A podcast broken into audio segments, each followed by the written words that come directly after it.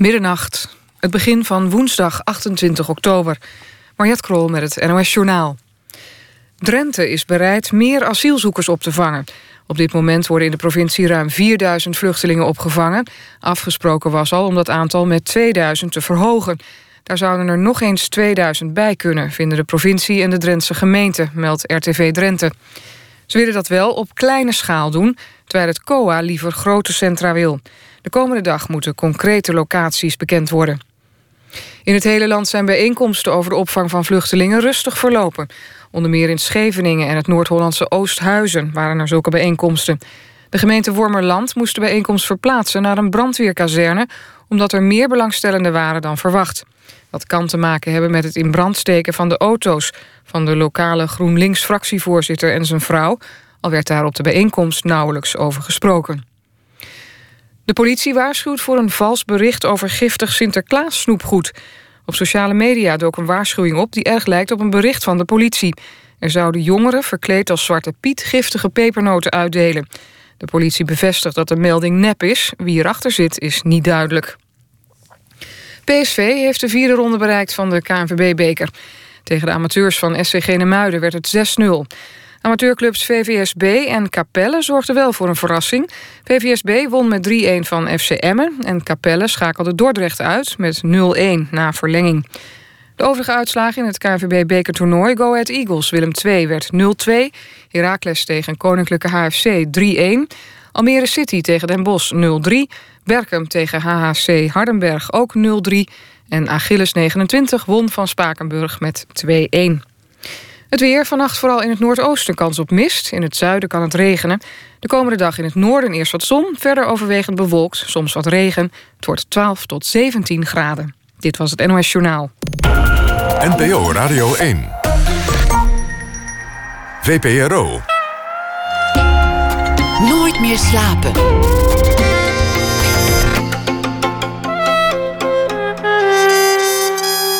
Met Pieter van der Wielen. Goedenacht en welkom bij Nooit meer slapen. Straks na één uur aandacht voor het Click Animation Festival. Een eh, festival voor animatiefilms uit de hele wereld. Dan ook een gesprek met schrijver Henk van Straten over zijn nieuwe boek Bidden en Vallen. Gaat onder meer over een man in echtscheiding. En de tweelingzussen van het muziekduo Clean Pete zijn hier aanwezig. Zij zullen in het tweede uur drie liedjes spelen van hun uh, nieuwe album. We beginnen met uh, Max Porcelein. De Grote Zwaan is de titel van zijn nieuwe film. Vanaf heden te zien in de bioscoop. Een schrijver, eind uh, jaren negentig speelt het zo'n beetje. Gerard Zwaan wil meer in het leven. Hij wil een bestseller schrijven. Hij wil grote dromen waarmaken. Maar hij heeft ook problemen. Schulden onder meer. Het toeval lijkt hem eventjes te helpen. Een zak geld vindt hij zomaar. Op de plaats delict waar een liquidatie heeft plaatsgevonden. Maar dat brengt hem alleen maar meer ellende. Hij komt op het pad van gangsters en op het pad van een corrupte opsporingsambtenaar. Max Porcelein is regisseur en scenario-schrijver, geboren in 1981. Studeerde aan de Filmacademie. De afstudeerfilm was De Ontgoocheling. Zijn eerste bioscoopfilm was Plan C, kreeg heel veel lof. Won ook een gouden kalf voor beste scenario. Hij heeft inmiddels een eigen stijl ontwikkeld. En uh, dat komt ook weer naar voren in zijn laatste film. De cast, hij werkt uh, vaak met dezelfde acteurs. Dat is uh, Michiel Romein, Ton Kas, René van het Hof, Peter van der Witte en Aniek Vijver. En nog een aantal mensen. Max Porselein, hartelijk welkom. Dankjewel. Heb je ooit de angst gekend voor de, voor de middelmaat? Ben je wel s'nachts wakker geworden en dat je dacht: fuck, ik ben middelmatig? Uh, ja, dat moet wel. Ja, en ik denk ook dat je refereert naar de ontgoocheling waarin dat. Uh, nou, eigenlijk speelt. in al je films speelt dat. In, in, ja, in, dat... in, al jouw films is er, is er een angst bij de personages dat, dat ze gewoon middelmatig zijn. En, en een verzet om zich daarbij neer te leggen. Ja, ja dat, dat, dat uh, is zo, maar dat is niet heel bewust. Dat is dus iets wat kennelijk. Uh, wat me kennelijk bezighoudt, ja. Maar ik weet niet, want het zou ook kunnen dat het. Uh, dat het is iets wat ik aandoenlijk vind en tragisch en grappig. Dus misschien dat het ook gewoon een. Ja, maar ook wel herkenbaar. Ja, nee, ja. Je, wil, je wil, zeker als je jonger bent, zeker toen ik op de filmacademie zat, dan heb je natuurlijk, dan ga je niet voor, de, voor het midden. Dan wil je gewoon ja, in welke zin dan ook iets doen wat opvalt of wat, uh, wat eigen is en niet eh, te veilig. Nou ja, maar daar heb je zoveel gradaties in. Maar ehm, nee, dus misschien ja, is het ook herkenbaar. Ja. Die drang om, om, het, om het verder te schoppen, om, om iets groters te maken, om, om meer te doen dan strikt genomen voor je was weggelegd of anderen voor je hadden voortbestemd, Ja. Die zat er bij jou volgens mij wel jong in. Weet ik, ja, dat zou kunnen, ja. Dat, ehm, dat zou kunnen. Ik weet wel dat ik, dat ik niet... eh, eh, niet heel makkelijk mezelf zag in een... eh, niet dat ik daar ook iets op tegen heb, maar bij anderen. Maar in, in een kantoorbaan of in sleur. Misschien dat dat wel... en dat als je dan wat ouder wordt, je, je, middelbare school stopt, of je wordt op andere manieren geconfronteerd met dat eh, dat een heel tijdelijk deel is van het leven. En de rest van het leven ga je toch, hoe je het dan ook wendt of keert, eh, werken. Dan, ehm, ja, dan zie je ook wel enge voorbeelden. En dan heb je eerste baantjes. Dan zie je ook wel voorbeelden van je denkt, nee, dit, dit zou ik toch eh, zou ik niet heel gelukkig van worden. Als je Maar- die neiging had om je erbij neer te leggen, dan, dan was het allemaal waarschijnlijk nooit gebeurd. Want, want als je een film wil maken, dan moet je ook enorm overtuigd zijn van de noodzaak van die film. En de kwaliteit van het plan. En de kwaliteit van je scenario en van jezelf. Ja. Omdat je zo enorm veel mensen moet overtuigen dat het belangrijk is dat die film er komt. Ja, Als jij er al niet in gelooft, dan, dan, dan zal dat gewoon niet gebeuren. nee, dat is waar, ja. En met jou, jouw eerste echte film Plan C was het, was het helemaal moorddadig. Ik bedoel, het was, een, was een, een eindeloze hindernisbaan, inclusief krokodillen en landmijnen waar je overheen moest ja. om die film toch voor elkaar te krijgen. Ja, ja dat, maar dat is, dat is het volgens mij altijd wel. Het, misschien dat het ietsje makkelijker wordt als mensen weten wat je maakt en, en, en, en er aan mee willen werken. Maar geld krijgen eh, voor films is volgens mij. Dat is ook niet het eerste waar je aan denkt als je geïnteresseerd raakt en ik wil films maken, dat je geld moet gaan regelen. Maar dat blijkt gewoon een, het, misschien wel het grootste deel van je waar je mee bezig bent als filmmaker. Dat, je denkt natuurlijk, ik ga mooie dingen maken. Ja. Ik ga, ga met grote acteurs werken en, en prachtige ja, stukken schrijven en die, en die mooi regisseren. ja, En dan blijkt het toch een, een baan die ook uit bureaucratie bestaat. heel veel, ja, ja, ja. En eh, politiek en eh, ja, allemaal dingen waar je niet. Maar dat, dat is waarschijnlijk met alles wat je graag wil op jouw manier in het leven. Daar kom je die dingen tegen. Dat je met bureaucratie en politiek te maken hebt. En misschien hoe makkelijker je. eh, ja, je kan vinden in een eh, meer, meer middelmatig iets. Ehm, of niet eens middelmatig in kwaliteit, maar gewoon middle of the road-achtig eh, positie. Ja, hoe, hoe makkelijker, dat, dat is natuurlijk, dat gaat meer vanzelf. Ja, hoewel die zullen ook bureaucratie en politiek op een pad krijgen. ja, het is absoluut. gewoon. ja, ja, ja. Het hoort gewoon bij het leven. Dat wat dan, ja. anders- ja, ja, zelfs al blijf je in de baarmoeder zitten, dan zul je nog bureaucratie precies. naar binnen krijgen. Dat, dat, dat is gewoon hoe het volgens mij gaat. Maar vertel eens wat je allemaal op je pad vond toen je plan C had gemaakt. Je had zelf een scenario gemaakt. Je wilde het ook zelf regisseren. Je had een heel duidelijk beeld van welke acteurs je wilde. Hoe is dat toen ongeveer gegaan? Wie, wie, wie vond je allemaal op je pad? Ehm, ik wilde heel graag een film maken. En dat, dat ging moeizamer dan ik dacht toen ik klaar was met de filmacademie. Ehm, eh, en ik, ik besloot gewoon om te gaan schrijven in de hoop.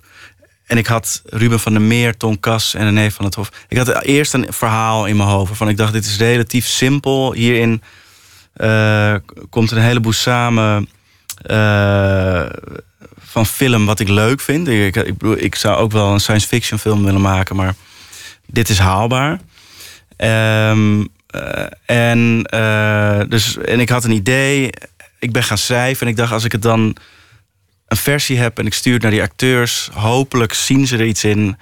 Eh, en dan ben ik niet meer alleen jong iemand met een scenario, maar dan heeft het iets meer. ja, hoe zeg je dat? Iets meer. eh, Vlees op de botten. ja, is het ietsje echter, omdat er acteurs eh, van, van naam en faam eh, aan verbonden zijn. En ehm, nou, dat heb ik gedaan. Ik ben, ben gewoon gaan schrijven. Heb dat aan die acteurs gestuurd. Heb dat toen vervolgens ingediend bij het Filmfonds. Toen die acteurs gelukkig wel enthousiast waren, alle drie. En ehm, toen eh, was gewoon het heel simpel, was gewoon nee, je krijgt geen geld. Oké, nou ja, dan. Want je je moet, langs het, je moet langs het filmfonds. En er zijn nog een paar fondsen waar je langs kan. Je, je kan Ja. eventueel een omroep interesseren. Ja. Eh, je, je kan een aantal particulieren die dat nog wel eens doen, proberen aan de mouw te schudden. ja, Een, een, een distributeur dat helpt als je Ja. die hebt. Dan zijn er een paar grote producenten. ja, Dat helpt ook enorm. Ja, maar het belangrijkste eh, qua geld, het, het grootste deel, tenzij je een, echt een commercieel idee hebt, wat duidelijk van tevoren een markt, afzetmarkt heeft in Nederland, is gewoon eh, krijg je van het filmfonds. Of misschien als je de, grote zwaan is gemaakt als telefilm, en dan krijg je weer, weer een ander soort fonds, Kobo-fonds. En dat werkt dan weer heel anders. Maar nee, dit gaat daar gewoon, dien je het in en dan. eh, eh, Maar hoe gaat zoiets? Want je, want je hebt een scenario geschreven. ja, En eh, oké, alle, alle dialogen staan erin. En je mag aannemen dat de mensen die, die daarover oordelen ook wel weten hoe je een scenario leest. ja. Maar de toon van de film, de, de, de sfeer, die kan je eigenlijk niet goed in een, in een scenario vastleggen. Het kan heel slapstickachtig worden, Ja. of juist heel droog, of, of misschien ronduit melancholiek. Dat Ja. kun je eigenlijk niet zo goed zien aan die dialogen. Nee. Hoe nee ja, je kan, die mensen dan? Dat is dus heel moeilijk. Want het is niet. Ik stel me. Het is moeilijk omdat ze hebben er in principe aangenomen dat zij gewoon naar eer en geweten handelen. Want volgens mij was het toen met. de- Ik weet ook niet precies hoe dat werkt nu. Het is volgens mij weer veranderd. Maar het was een commissie. En die lezen het en die geven gewoon een oordeel. Maar een scenario is enorm voor interpretatie vatbaar. Het is een soort bladmuziek dat niet opgevoerd is. Dus het, eh, weet je wel, er zijn regisseurs, grote regisseurs, die ook zeggen van ja, ik eh, zag het niet in dat scenario en nu is het een waanzinnige film. Dus je, eh, of die zelf überhaupt zeggen, het is heel moeilijk om een scenario te lezen. En soms weet je niet precies wat het is. Of, of überhaupt of ik zelf wel gelijk heb dat, dit, dat er iets in zit. Als we regisseurs die niet hun eigen scenario's schrijven, voornamelijk dan. Dus het is gewoon een moeilijk iets en het is helemaal niet rechtlijnig. Dus dat is wel een beetje moeilijk dat dat dan op een soort objectieve wijze wordt beoordeeld alsof dat zou kunnen. Ehm, maar goed, dat probeer je dan te, met een soort aanvraag uit te leggen op papier in, in een, allerlei dingen die, die, waar ik niet heel goed in ben. En ehm, En zonder succes dus, dus aanvankelijk. ja. Als je ook maar enigszins leek op je filmpersonages, dan had je het opgegeven. En dan was je gewoon eh, docent eh, film en drama geworden eh, op, op een avondcursus eh, instituut.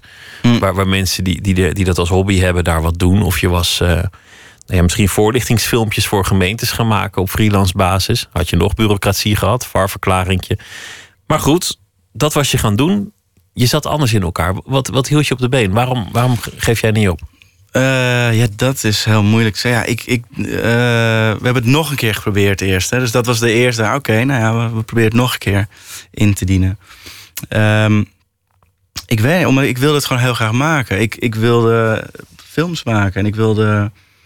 eh, ja, dus ik. ik het, was niet. Het, eh, wij- en op een gegeven moment hadden we, we hadden ook. Er was wel genoeg animo ook. Dat is ook. Er was wel genoeg enthousiasme omheen. De acteurs niet- vonden het gaaf. Ja, en eh, eh, er was genoeg, zeg maar, zodat je weet, ik ben niet helemaal gek hier. Dit is niet een iets wat, wat, waar helemaal niks in zit. En we hadden wel een omroep en we hadden wel ehm, een distributeur die er iets in zag en die ook wat geld in wilde brengen.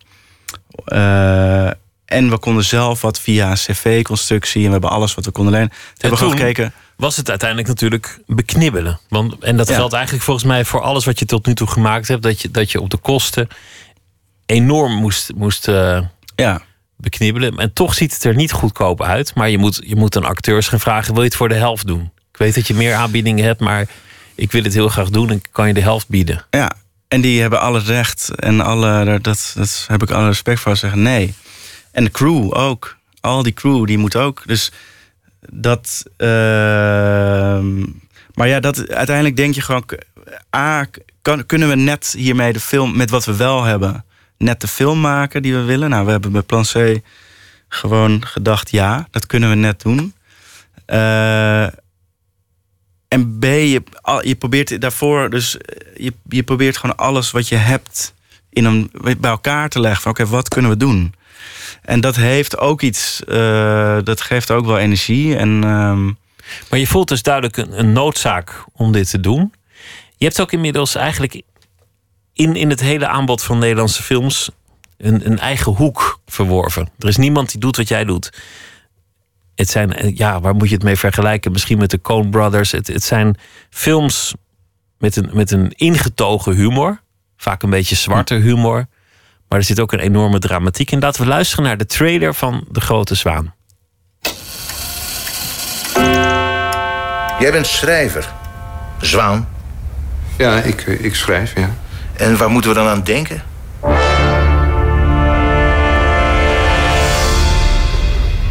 Boeken.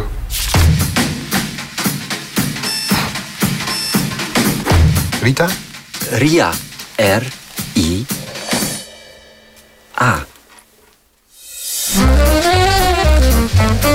Je nieuwe boek is verkrijgbaar in de boekhandel. Betere boekhandel. In de betere boekhandel. Je kan me toch wel iets voorschieten, Kees? Ik heb je al twee keer eerder een voorschot gegeven. Wat dacht je dan? Dat we rijk gingen worden? Hé, wees maar blij dat niemand je kent. Gerard. Zwaan? Meneer Zwaan? Meneer Zwaan. De Grote Zwaan. Het gaat over een schrijver, dat zei ik al aan het begin. Hij heeft zijn eh, boek uit. Hij is de gast in een eh, literair televisieprogramma. Het speelt in de jaren negentig. Ehm, ja, je ziet aan alles dat die man een beetje moe is met zijn bestaan. Hij hoopt ooit nog een meesterwerk te schrijven. Intussen heeft hij geldzorgen. En eh, dan komt het grote moment dat hij binnenloopt op een crime scene waar net mensen zijn doodgeschoten en de gel- zak geld ligt er nog. Nou ja, hij kan zich niet bedwingen en hij graait in die zak en heeft wat, wat geld meegenomen. Wat het allemaal zo leuk maakt, is die enorme middelmatigheid. Dat zat ook al in de film Plan C. Had, had een, scenario ook weer over iemand met geldzorgen. Dit keer eh, eh, had die andere maffia op, op de voet. Maar het is allemaal een, van een lulligheid. En de kleine zedenschetsen die ook, ook in de dialogen zitten... die, maken het zo ontzettend leuk. Hoe verzin je die dialoog? Hoe, gaat het in zijn werk? Ben je, ben je daar naar op zoek? soms, ja, er, zijn, er zijn absoluut dingen dat ik mensen hoor praten... Dat waarvan ik oh, dat is heel leuk eh, om een keer te gebruiken. En dan komt het van pas in een verhaal. Eh, maar het is ook, het is ook de... Ik vind dat... Ik, ik, ja, ik, het boeit mij als ik er naar luister. Ik vind het ook een leuk ehm, eh, iets aan film. Dus mensen zien praten. Die vooral als ze niet eh, helemaal ja, geloven, wat, of in ieder geval helemaal andere dingen zeggen dan, dan je ziet dat, dat ze zijn. Dat daar heb ik, ik weet niet waarom, dat, dat fascineert me gewoon. En, eh, maar ik zou ook heel graag een film willen maken met heel weinig dialoog. Om wat te zeggen. Dus het is niet een soort principe of een soort. Het is ook eh, in die de, twee films die ik nu heb gemaakt ook een. Oh, eh, ja, een soort toevalligheid dat, dat De Grote Zwaan het project was wat het eerst doorging na plan C van de dingen waar ik mee bezig was. Dus, ehm, maar het is zeker waar. Ik, ik, vind, ik kan heel erg genieten van, eh, van mensen die en hoe ze praten. En van, en van de, de lelijke middelmatigheid die er altijd uitspringt. Bijvoorbeeld iemand die zegt: Nou, weet je wat slim is? Als je iets bestelt bij een, eh, bij een McDrive restaurant, dan moet je altijd een bijzonder verzoek plaatsen. Dan moet je zonder augurk of zonder tomaat Ja. bestellen, want dan moeten ze hem vers maken. En dan krijgen al die anderen er eentje die er al, al een tijdje ligt. Maar jij krijgt er een die vers is. Ja, Da- daar zit al aardig wat pretentie in en tegelijk ook een, een ongelofelijke middelmatigheid. Ja, ja dat is, dat is ja, middelmatig is eh, een, een, eh, een woord waar je allemaal verschillende definities aan kan geven. Omdat je, het, voor mij zit er niet per se een waardeoordeel in. In dat soort middelmatigheid. Maar het is inderdaad, het is gewoon, ja, ik weet niet, het is iets wat ik heel Holland, Nederlands vind. Zonder dat eh, negatief te bedoelen. Maar het is iets wat ik gewoon heel erg ken. Opgegroeid zijnde in, eh, in Amsterdam. Het hoort bij Nederland. Bij, bij, het heeft iets dorps, het heeft iets kleinschaligs, iets, iets eh, kneuterigs. En dat, dat is echt niet bewust. Het is echt omdat ik nu ook rond, omdat die film uitkomt, eh, meer daarover gevraagd wordt, dat ik zelf begin te denken: ja, wat is dat? eh, ik, ik, ja, ik vind het gewoon een, een. Ik vind het namelijk ook ergens aandoenlijk dat dat soort plannetjes van mensen, dat soort rare. Mensen die, die willen ontsnappen aan hun lot, maar die, die uiteindelijk Precies. het gewoon zelf niet in hun mars hebben. Mi- Misdaden die amateuristisch zijn opgezet. Ja, Mensen die een grote droom hebben waarvan iedereen ziet, ja, dat, dat gaat het niet worden. Maar dan Ja. ook mensen die permanent in, in een soort clichés praten. ja, Wat het ontzettend geestig maakt ook, Ja. tot op zekere hoogte. En dan ook nog de ansenering. Het speelt altijd in wegrestaurants, ja, lugubere hotels, ja, snackbars, Chinese restaurants waar, waar, waar het vet van de gordijnen druipt. ja. Ja, niet, niet, eh, niet de high life. Nee. Slappe koffie, Ja, chagrijnige bediening. ja. Ja, ik weet niet, maar dat, dat is natuurlijk ook raar. Hè? Als je dat, dat, dat zijn dingen, moet ik eerlijk zeggen, die gaan, die, die gaan dan op gevoel passen ze bij het verhaal. En het is niet, het is niet, eh, ja, het bestaat, zeg maar. En het wordt dan meer of larger than life of zo, doordat het eh, achter elkaar in één, weet je wel, consequent in een wereld zit. Van Gerard Zwaan of Ronald Plasma en Plan C. Maar ja, het, het, is een. Het, het, dat heeft allemaal dat dubbele. Dat, dat, het is een beetje. Ik, ik, had, het, ik had het er ehm, gisteren met iemand over dat. Het, wat je in, in, zo, in Peter van Straten tekeningen hebt, maar ook in tekeningen van Gumma. Het is heel moeilijk om het uit te leggen. Ik weet nog dat ik vroeger dat mijn ouders elkaar iets lieten zien in Peter van Straten tekeningen, dat ik het niet snapte. Ik zag wel dat het een beetje spannend was met mensen in bed en. eh, en, en ik was wel net 13 of 12, of ik vond dat ik volwassen was in ieder geval. Dus ik eiste gewoon dat het werd. Ik werd echt kwaad dat het niet werd uitgelegd. Toen ik vroeg: wat, wat, waarom lachen jullie? Wat is er grappig aan? Ik snap er helemaal niks van. Maar het, het is dat. Want ze zeiden: ja, dat kan je niet aan. Maar dat kan je ook gewoon niet uitleggen. De, de herkenbaarheid gemengd met de ordening en, en, de, en überhaupt dat iemand het geobserveerd heeft en heeft opgetekend of zo. En dat in combinatie met nou ja, mensen met grote problemen, grote Ja. ambities en natuurlijk ook grote misdaden. Er Ja. wordt geschoten, er vallen doden, er, er ligt bloed op de vloer. Ja.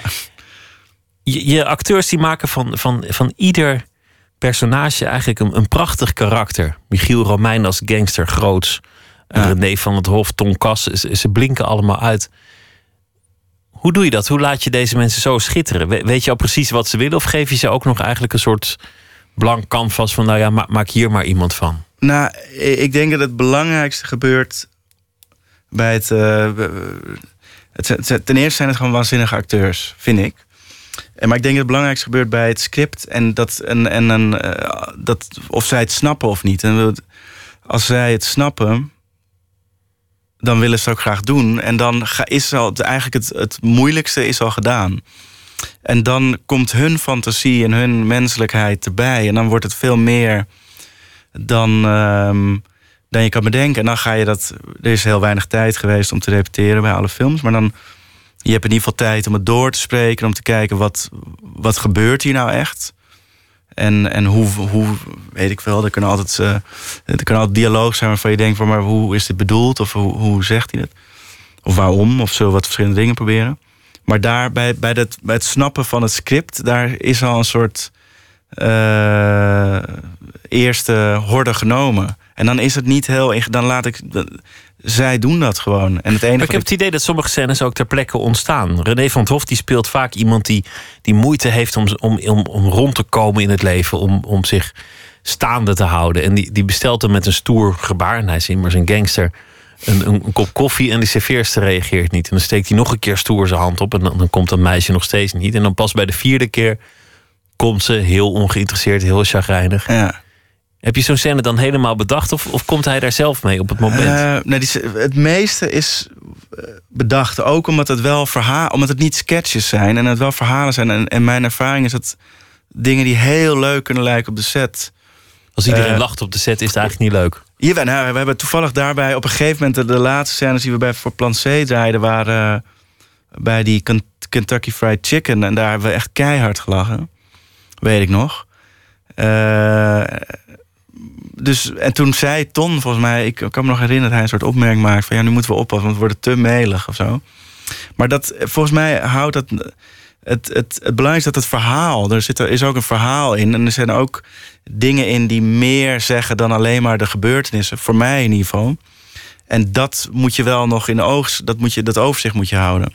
Maar als zij met, broer, er, er komt zoveel fantasie bij, dingen die gebruikt worden, eh, houdingen, of eh, weet je wel, die, die, die, en vooral René is enorm eh, veel met lichaamstaal en eh, daar, daar kan hij enorm veel mee toevoegen. Ja, dat gaat, dat is alleen maar zo min mogelijk, probeer ik te zeggen dan, om niet, weet je wel, ze te overbewust te maken of van wat ze aan het doen zijn en ja, dus dat is, het is, het is, ja, het begin, het, het begin is volgens mij het belangrijkste. Gewoon het script en, en het snappen en het daarover hebben. En dan, eh, ja, dan is er ook weinig tijd op die draaidagen. En je, we hebben het allemaal uitgedecoupeerd, in shots gedeeld. En dus er, weet je wel, er is dan... Dan moet het maar gewoon gebeuren. Dan moet het er maar op komen. Ja, en dan ben je, kan je wel binnen de tekst, met de tekst en de scènes zoeken. En, je, en het, het, het, het, het is ook tekst die geschreven is om los gespeeld te worden. Niet met nadruk op,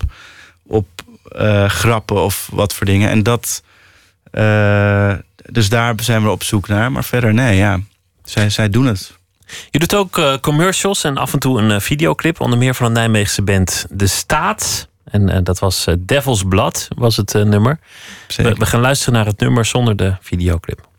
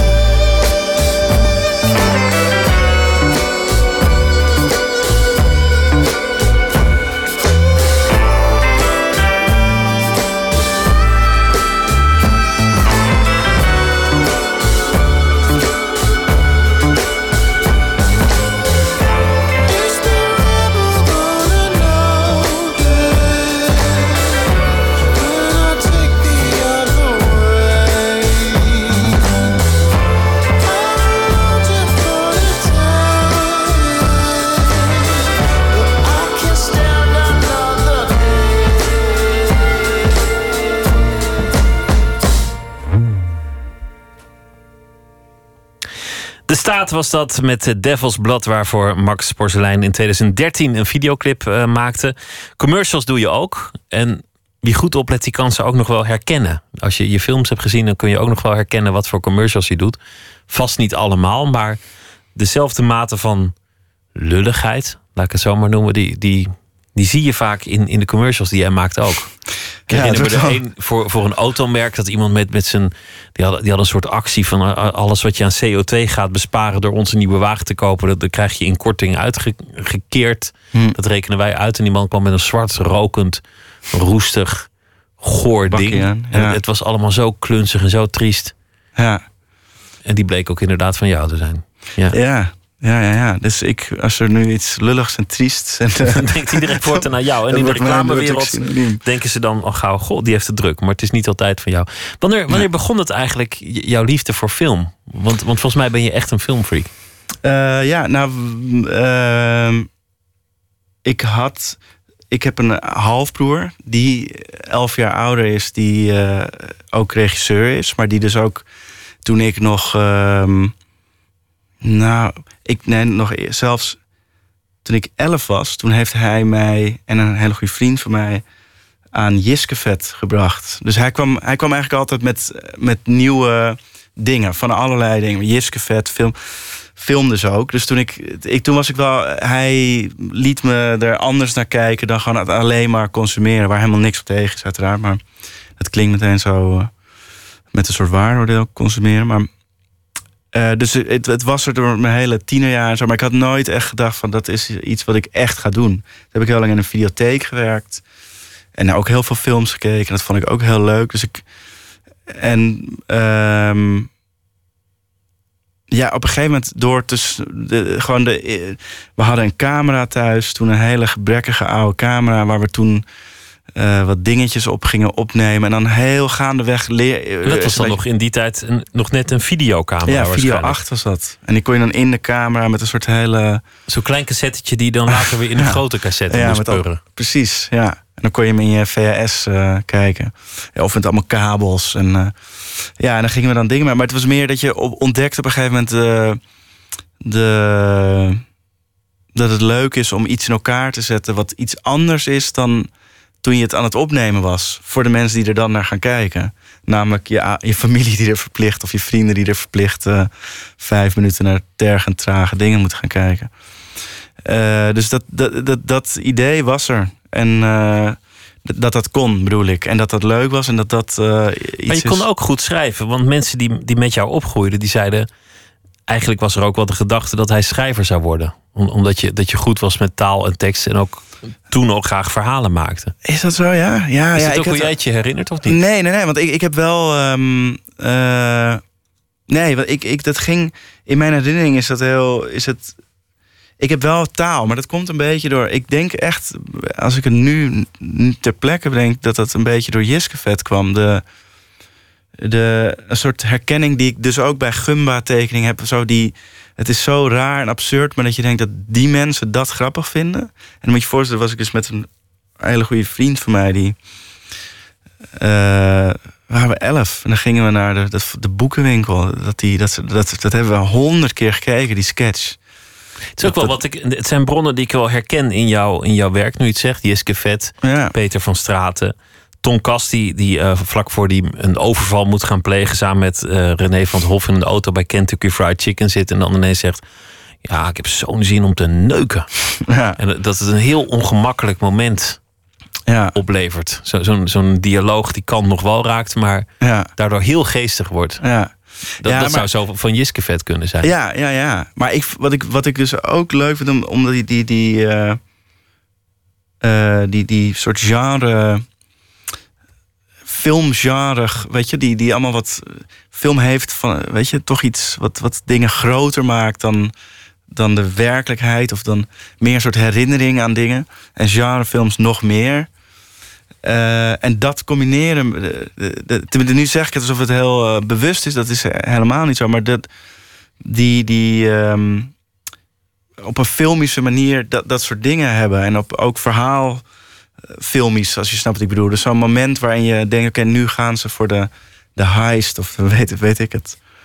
En dan zitten er gewoon twee mensen, Nederlandse mensen, in zo'n autootje, die, waarvan de een een onderwerp aansnijdt op een toon waar de ander gewoon ongemakkelijk van wordt. Ja, dat. eh, Je maakt eigenlijk gebruik van een soort, soort filmische verwachting, omdat we al zo lang films te zien krijgen. Je, je had natuurlijk in de jaren zeventig en zo de, de, de Godfather, waarin het Ja, maffialeven werd geïdealiseerd. Mooie Ja. pakken, mama's pasta. En dan, en dan in een mooie auto naar een grote misdaad met een enorme buit toescheuren. ja. Het is leuk om daarmee te spelen en juist daar dan iets, iets ontzettend sneus van te maken. Ja, ja, en ik zou het niet eens snel, maar meer nog gewoon Nederlands. Gewoon hoe dat dan. Het is niet. eh, eh, Niet apisch kijken van, van oh kijk de gewone man is of zo. Nee, ik weet niet wat het is. Als je bijvoorbeeld, jij was ook dat, net in New York. Als je in New York of in Amerika is, dan zijn de water, die, die brandkranen op straat. Het heeft allemaal iets heel statigs en groots en stevigs. En in Nederland is het heel ergonomisch en efficiënt, maar ook een beetje lullig. De, die, die rode brandkranen die je op straat ziet. En, en dat heb je overal een beetje. Daar is, eh, daar is een soort. eh, en op de een of andere manier fascineert me dat. Dat eh, dat, dat bij Nederland hoort. En dat, dat, dat, het is ook heel herkenbaar. Ik vind het ook. Ik vind het niet slecht per se, maar ik vind het grappig. En, En ook ontroerend. Je hebt, je hebt één aflevering gemaakt van de, de BNN-serie van God Los. Waarin ze waar gebeurde misdaadverhalen dramatiseerden. En, en eh, op een filmische manier voor, voor tv brachten. Daarin speelt één jongen die uiteindelijk wordt overgehaald om een moord te plegen. Die, ja, hij zit in de bijstand. Hij, hij, hij kan geen werk vinden, althans hij wil geen werk vinden. Ja. Hij rookt iets te veel. Als hij een avondje thuis is, dan neemt hij een lijntje kook. En een ontzettend vriendelijke, zachtmoedige jongen. Ja. Fantastisch gespeeld. Ik vergeet elke keer de naam van de acteur. Martijn Overstegen. Martijn Oversteeg, die, die, dat, ja. die, dat, die dat heel goed neerzet. Het, het is Ja. eigenlijk niet, niet grappig, maar ontzettend Nederlands. Omdat iedereen wel zo'n jongen kent die, die, Ja, die, die de deur bij de bijstand al 50 jaar plat loopt. ja.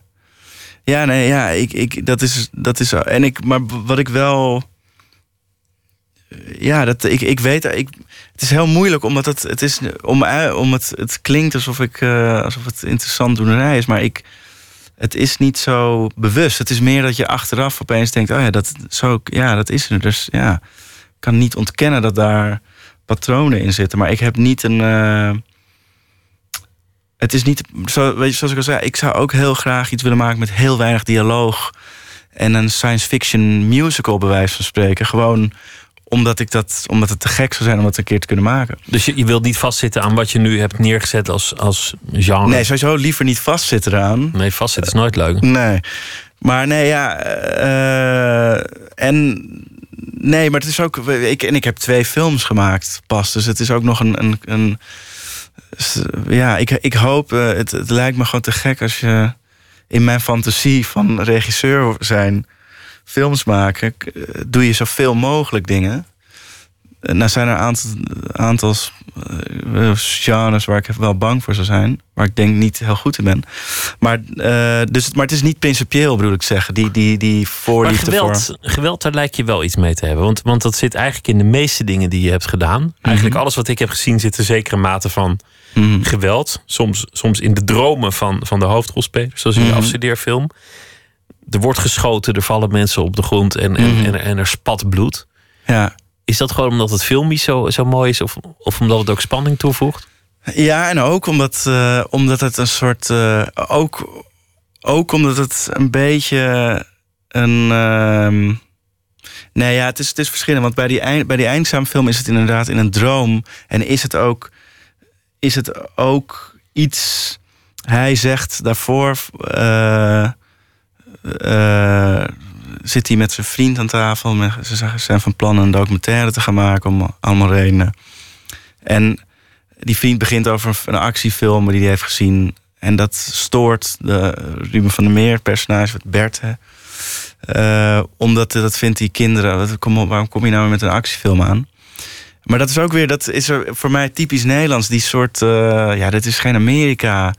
Eh, dingen die ik, die ik dan vroeger wel hoorde op school en zo. Waar je gevoel van, je wil toch juist. eh, Weet je wel, je hoeft niet meteen naar Las Vegas, maar je, je ja, dat, dat, dat nuchtere of zo. En dan zie je daarna een droom van hem waarin hij wel met pistolen en geweren in de weer is. En het liefst oncontroleerbaar voor hem dus wel zich daarin uitleeft. Dat, dat soort dingen vind ik interessant. En ook dus een soort Nederlandse... eh, ja, dat is iets wat ik heel herkenbaar vind. Op de En, en een, een man met een baan in het onderwijs die heel graag zichzelf ziet als een groot documentairemaker. En, en Ja. ook zichzelf ziet als een, een soort vredesapostel, terwijl hij hele agressieve dromen heeft. Ja. Die, die constant zijn vrienden de maat neemt. Ja. Dan wil je dan eeuwig blijven doen wat je doet. Terwijl, terwijl die, die vrienden eigenlijk wel gelukkig zijn met hun bestaan bij de dierenambulance. ja, En dan de tragische ontknoping dat hij zich moet neerleggen bij het bestaan. ja, En, en toch weer voor die klas gaat staan. ja. Een, een, een prachtig kort verhaal wa- was het. Ja, nou dankjewel. Ja, ik, ik weet dat eh, ook niet waarom ik dat heb. Ik, het is heel. heel eh, ik weet wel dat, dat ik dat het ook weer eh, een combinatie was van allemaal elementen. Het verhaal en het de soort dingen die je ermee zou kunnen doen. En de toon en het proberen. En het ging een beetje over jezelf. Want, want die, die, Ja, ja. die videocamera die zat erin die je dan aansluit. Je Ja. eigen familie filmen en er hopen een documentaire van te maken. Het harde oordeel van de man die, die over het geld gaat. Ja, ja, en die zegt, nou ik zal het maar meteen zeggen. Ik vind het echt helemaal niks. Ja, ja, nee, zo, ja, je zou het zo kunnen zien als een soort allegorie van mijn be- bestaan. Ja, ja, of ja, je angsten ja. misschien. ja nee, dat, zou- dat zou kunnen, ja. Maar het is, niet, het is in ieder geval niet heel bewust in die zin. het maar ik denk ook dat is ook. Nee, niet, niet bewust in ieder geval. Dus eh, ik heb. Maar dat is ook iets wat ik leuk vind aan. aan eh, en dat is dan niet per se heel erg een genrefilm, maar wel aan Plan C en de Grote Zwaan hebben dat meer. Dat ze. eh, de, de, de, pulpachtigheid en de simpelheid van de, de, de soort traditie waarin ze horen, die maken het, eh, vind ik zelf, als ik andere films kijk, vaak. eh, ja, hoe zeg je dat? Eh, eh, dit klinkt heel pretentieus wat ik wilde zeggen. Maar ik wilde zeggen vruchtbaar voor, voor meerdere interpretaties op meerdere lagen. Dat vind ik een. een eh, dus het is een heel. Want film is Je ook heel toegankelijk. met, met, met de verwachting die een genre schept. Ja, dat, dat ook. Maar dat is ook nog meer dramatisch. Van gaat het naar links? Nee, oh, het gaat naar rechts. Maar ook het, het, het gegeven dat je dus naar iets kijkt... wat op zichzelf gewoon lijkt te gaan over eh, de gebeurtenissen die je ziet. Maar daaronder zit er... Weet je wel, daar zit... eh, woede of, of, eh, of verwondering of verlangen. Die zit daaronder. Dat, dat vind ik een heel... En dat is eigenlijk belangrijker dan, dan, het, dan het verhaal. Ik wilde nog wat muziek laten horen uit Portland, Oregon. Een singer-songwriter, Alela Diane en de gitarist Ryan Francesconi. En we gaan luisteren naar een nummer, The Sun Today.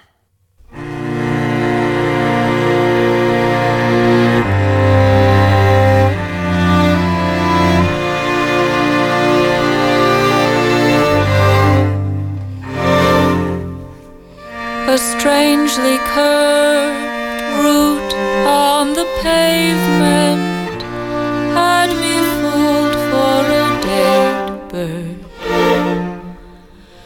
And I'm always playing that game, walking the line between. Watching the ground fall out beneath my delicate feet and the bright beauty of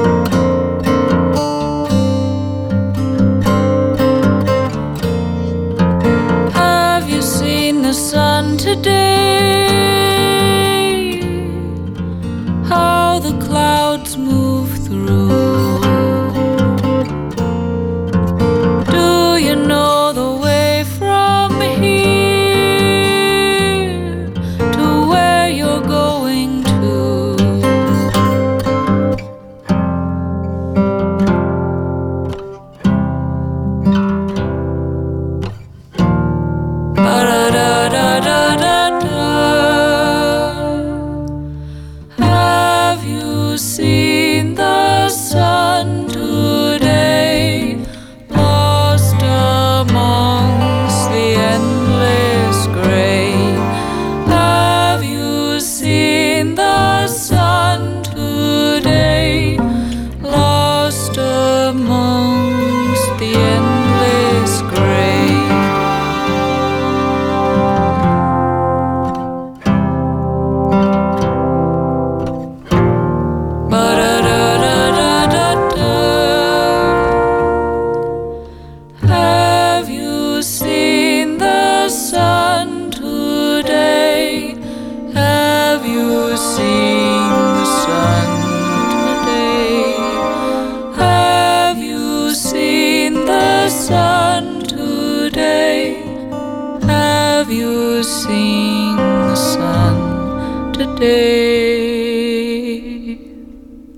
Sun Today van Alila Diane en Ryan Francesconi. De keuze van Lotje IJzermans. 14 november te zien in Den Haag op het Crossing Border Festival. Max Porselein zit tegenover me. Hij is eh, de regisseur en de scenario-schrijver van eh, De Grote Zwaan. Een eh, film die vanaf heden in de bioscoop te zien is. Over een schrijver in de jaren negentig. Die zich op het pad waagt van de grote jongens met het, met het grote geld. En daar achteraf best een beetje spijt van krijgt. Eh, een tragicomische, hoogkolderieke film met eh, prachtige acteerwerk ook. Wat, wat interessant is ook in jouw films, is, is vaak de, de, de sociale klassen in Nederland. Je, je geeft een soort tijdsbeeld, in dit geval van de jaren negentig. Maar, maar je ziet feilloos aan de, de personages of ze van hogere of lagere afkomst zijn, of het, of het working class of niet working class is, of hoe, hoe je dat ook moet noemen. Terwijl je eigenlijk, ik had eigenlijk de gedachte dat in Nederland dat speelt allemaal niet meer zo. Maar als ik naar jouw films kijk, denk ik, goh, je kunt eigenlijk aan iedereen zonder meer zien waar die ongeveer staat. Ja. Of die volks is of juist niet, of die geaffecteerd is of juist niet.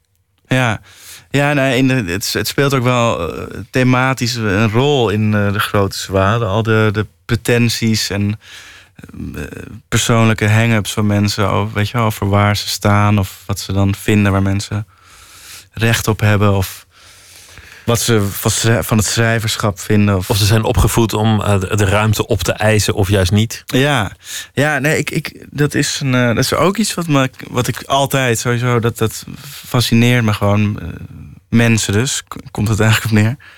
Maar je ja, komt zelf ik- uit een redelijk nette familie, toch? Je moeder was kunstenares, je, je Ja. vader had een, had een keurige baan. Je zat op het gymnasium in Amsterdam. Ja.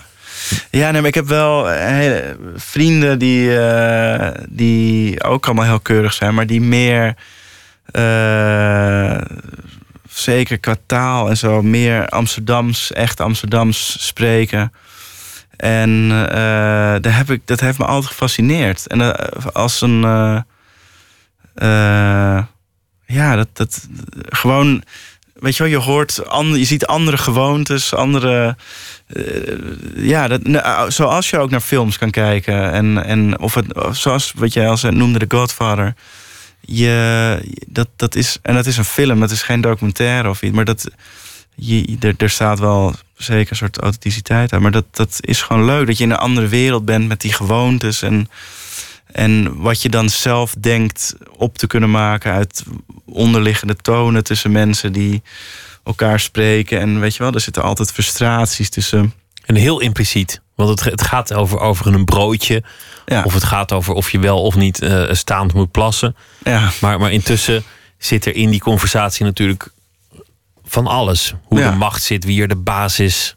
Of mensen meer willen, minder willen. Nou ja, noem maar op. Ja. Ja, en dat, dat, dat is gewoon. eh, weet je, en hoe mensen daar weer op reageren. Je hebt altijd me- mensen die onderwerpen aan kunnen snijden. En eh, luisteraars die dan er niet van gedienen, maar die kunnen daar dan ook niet zeggen van "Ha- hou hier over op. Ik wil hier niet meer over praten. Dus die ondergaan dat dan. En die gaan ook nog beleefd happen zo af en toe. Als mensen dan zeggen, of vind je van niet? Weet je wel, dat, dat is gewoon, dat vind ik heel grappig om naar te. En je, je hebt ook steeds acteurs die dat heel goed kunnen.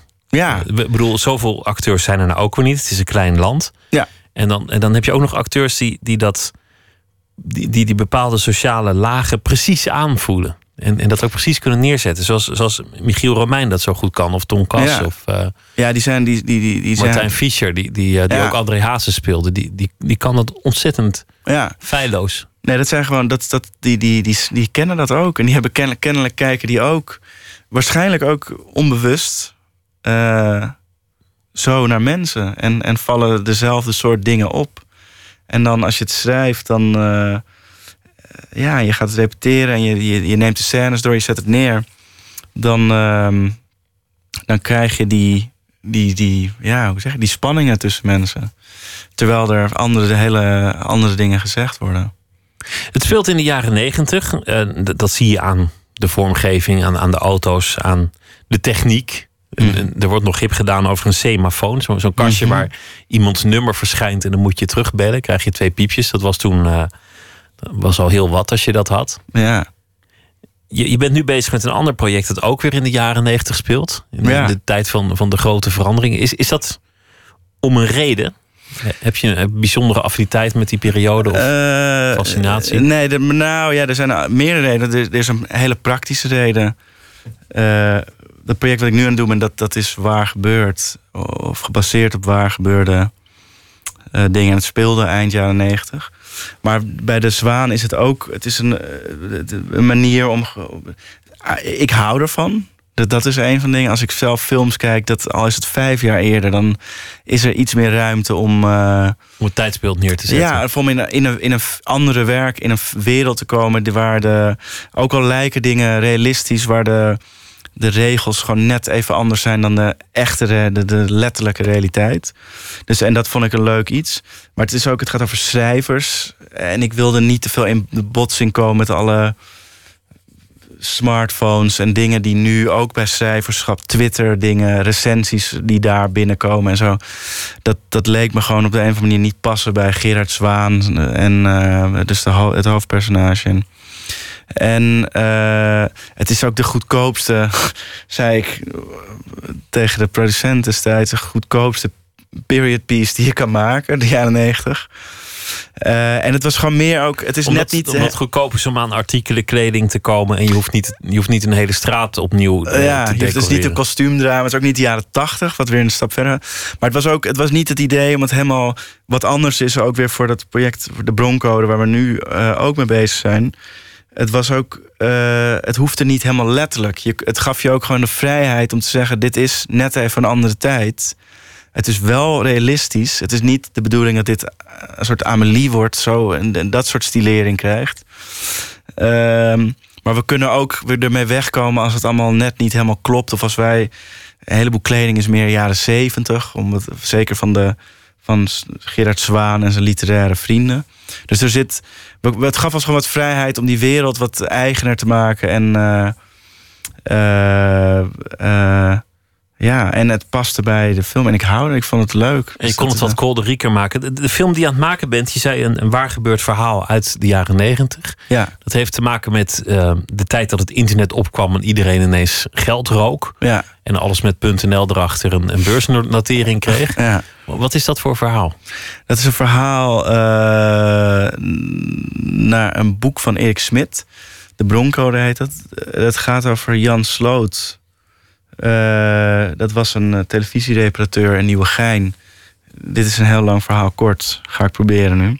En die, ehm, eh, die kwam op een gegeven moment een ontdekking... een soort coderingssysteem waarmee die bestanden... zoveel kleiner kon opslaan dan tot dan toe en nu nog steeds mogelijk was. Hij kon bijvoorbeeld 36 films op een chipknip chip kwijt. Helemaal real-time afspelen. En die eh, kreeg daarmee, die deed demonstratie, had een soort kastje, deed ermee demonstraties voor eh, eerst eh, wat huistuin en keuken investeerders en steeds groter. Tot aan eh, Roel Pieper, die toen Nederland weer terug uit Silicon Valley Nederland binnen werd gehaald als, als de redder van de Nederlandse economie. Die, Roel Pieper nam die Jan Sloten zijn uitvinding weer mee naar Silicon Valley terug. En de grootste investeerders en eh, computergiganten die, eh, die, die vielen allemaal voor die uitvinding. En een dag voordat hij de patenten aan notarissen overhandigde. Er waren al miljoenen vergeven door ABN AMRO. eh, krijgt hij een hartaanval, valt hij dood neer en blijken er allemaal spullen weg te zijn en, en is het allemaal heel raar wat er nou precies is gebeurd. En dat speelt allemaal eind jaren negentig, ja. Dat is te gek verhaal. Het is, een, het is een prachtig verhaal en het, het leent zich voor film.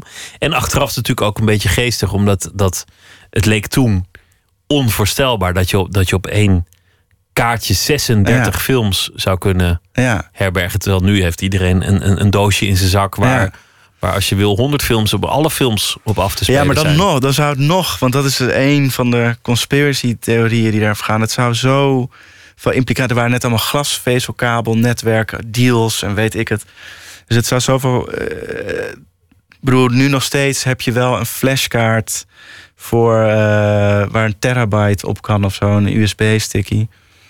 Daar, eh, dat is wel nog redelijk prijs. Of 100 euro, 200 euro, afhankelijk van hoe snel die is. En zo'n chipknip was nog steeds, dat is echt weggooiwerk qua, weet je wel, de, de, de kosten om het te maken. Dus het was nog steeds zou dat een. Het was een goede uitvinding Ja. en het zou het nog steeds zijn. ja, Je grote passie is film. Eh, Ja. Het, het schrijven en het, en het regisseren. Je, Ja, je hebt een enorme kijken. drive. Daarom is het ook gelukt om je eerste film te maken, je afstudeerfilm te maken en deze film te maken. We begonnen met de bureaucratie. Wat je ook gaat doen in het leven. Je zult bureaucraten, baasjes en andere hindernissen op je pad krijgen. Hoort er nou eenmaal bij. Is het nu makkelijker geworden? Nu je een zekere mate van succes hebt gehad. Nu je, nu je ook eh, erkenning hebt gehad met een gouden kalf. Dat is denk ik de mooiste prijs die je kunt winnen ja, in, jouw vak? Of, of loop je nog steeds tegen de hindernissen absoluut. van het fonds? Ja, ja, ja. Nee, ja, niet alleen van het fonds, maar überhaupt van het film maken. Eh, maar het is wel iets makkelijker omdat je iets hebt om te laten zien. En ehm, voor deze, de grote zwaan, die in toon wel heel veel overeenkomt met plan C, was dat prettig voor, niet zozeer voor acteurs, voornamelijk voor het fonds eh, en, en produce- nou ja, eh, mensen die, die niet eh, meteen op het eerste zicht in het scenario zagen van hé, hey, dit, dit is grappig bedoeld. Dit is niet gewoon alleen maar eh, dramatisch, eh, hoe zeg je dat, zwaar, eh, dramatisch geleuter.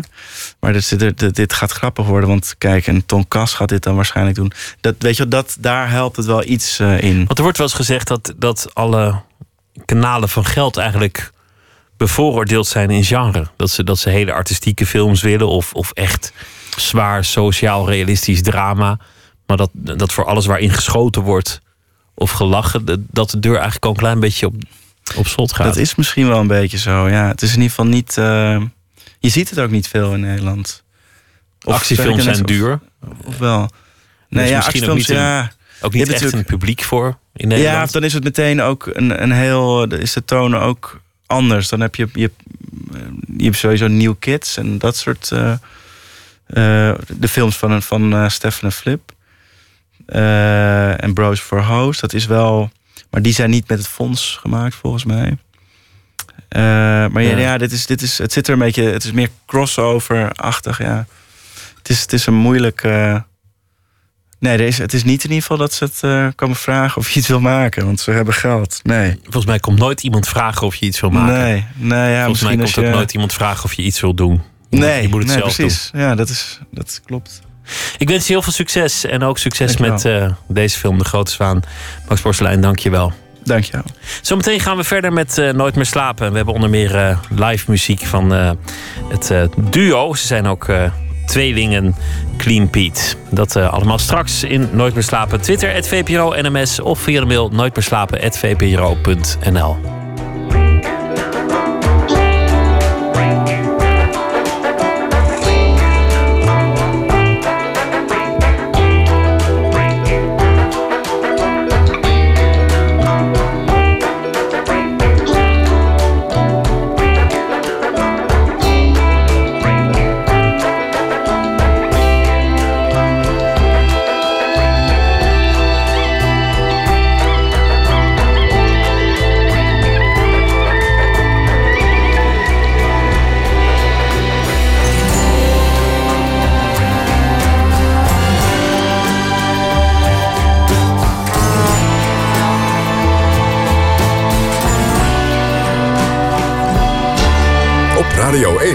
Het nieuws van alle kanten.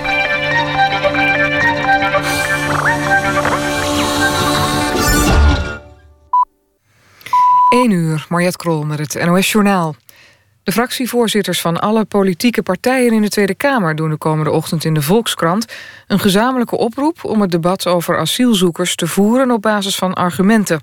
Stop met intimideren en bedreigen, staat boven het stuk...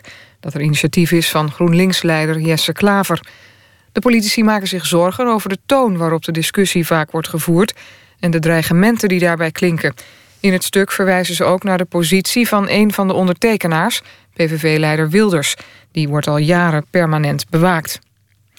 De bijeenkomsten die in het hele land werden gehouden over de opvang van vluchtelingen zijn de afgelopen avond rustig verlopen. Onder meer in Scheveningen en de Noord-Hollandse gemeenten Wormerland en Oosthuizen waren zulke bijeenkomsten. Drenthe is bereid meer asielzoekers op te vangen. Op dit moment zijn in de provincie ruim 4000 vluchtelingen ondergebracht. Afgesproken was al om dat aantal met 2000 te verhogen. Maar daar zouden er nog eens 2000 bij kunnen, vinden de provincie en de Drentse gemeente, meldt RTV Drenthe. Ze willen dat wel op kleine schaal doen, terwijl het COA liever grote centra wil. De komende dag moeten concrete locaties bekend worden. De politie en de marechaussee vragen om hulp bij de jacht op mensensmokkelaars. Vooral mensen die veel onderweg zijn, zoals truckers, forensen en conducteurs... kunnen daarbij een rol spelen, zei de politie in het tv-programma Opsporing Verzocht. Veel mensen komen sinds het uitbreken van de vluchtelingencrisis Nederland binnen... met de trein of in een vrachtwagen. De groepen kunnen vaak aan kleine signalen worden herkend... bijvoorbeeld aan dezelfde kleur nagellak op een pink, zei de politie. Afgelopen maand zijn er zo'n 30 mensen aangehouden... op verdenking van mensensmokkel. Het weer, vannacht vooral in het noordoosten kans op mist. In het zuiden kan het regenen. De komende dag overwegend bewolkt, soms wat regen... en het wordt 12 tot 17 graden. Dit was het NOS Journaal. NPO Radio 1.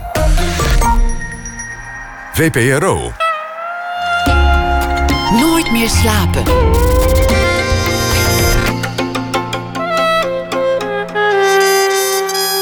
Met Pieter van der Wielen.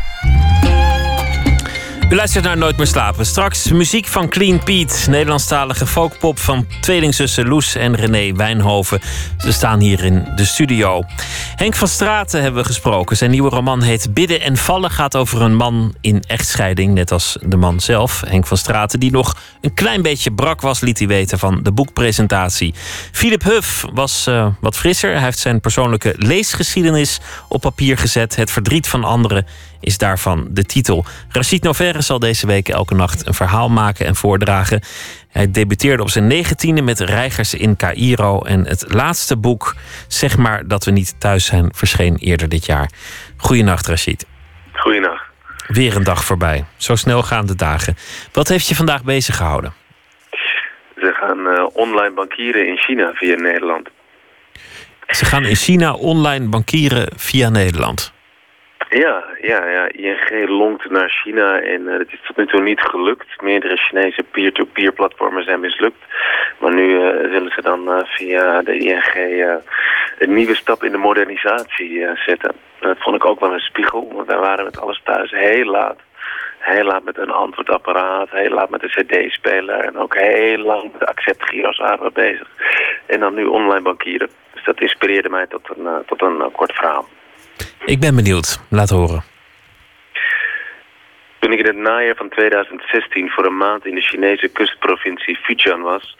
week ik voor een dag uit naar het bergdorp Piaolianghua. Tang, mijn assistent, woonde met zijn ouders in Piaolianghua. Zijn moeder, die ik vaak aan de lijn had omdat haar Engels beter was dan dat van haar zoon... had me ingelicht over een ritueel daar. Zelden door vreemdelingen bijgewoond, wat me nieuwsgierig had gemaakt. Slechts eenmaal in het jaar, zo vermeldde ook mijn reisgids, zongen in Piaolianghua jonge stellen.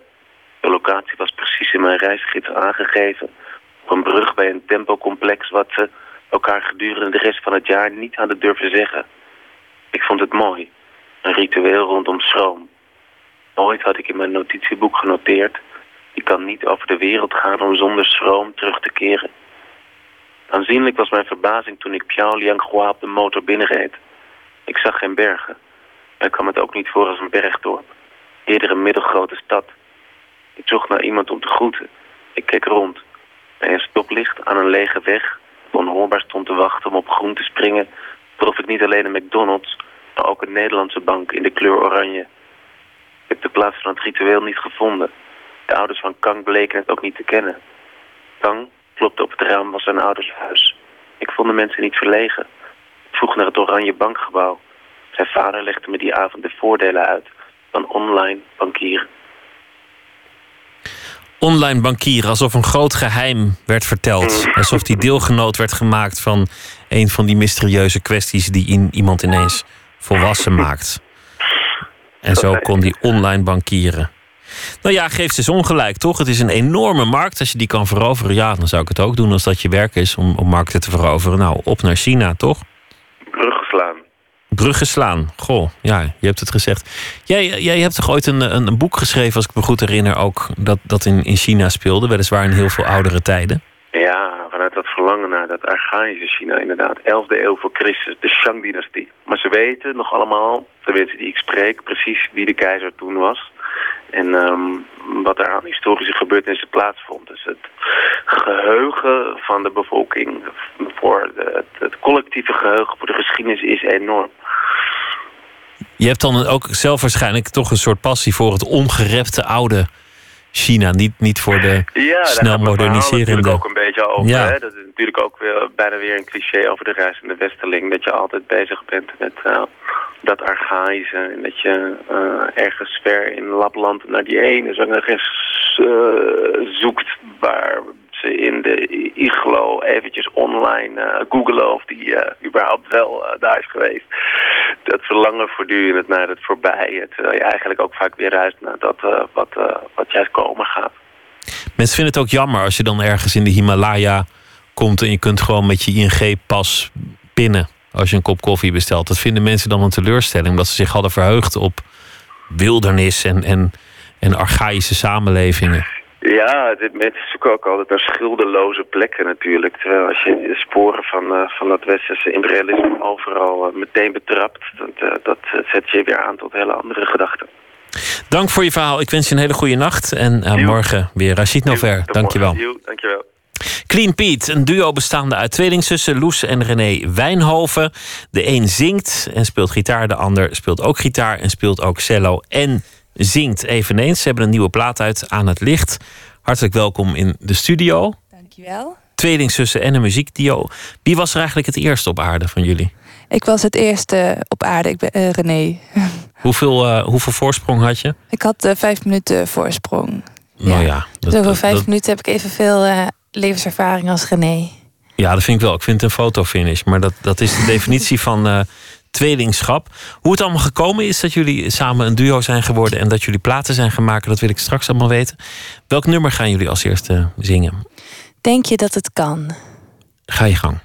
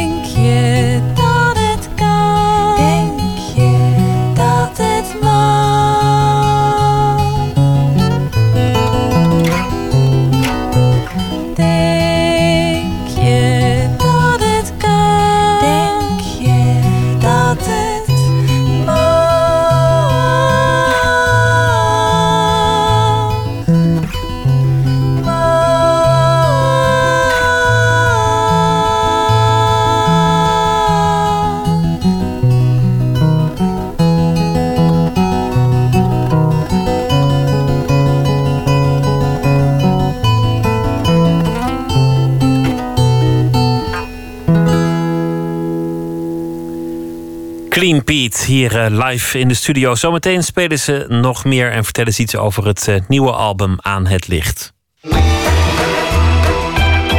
Nooit meer slapen.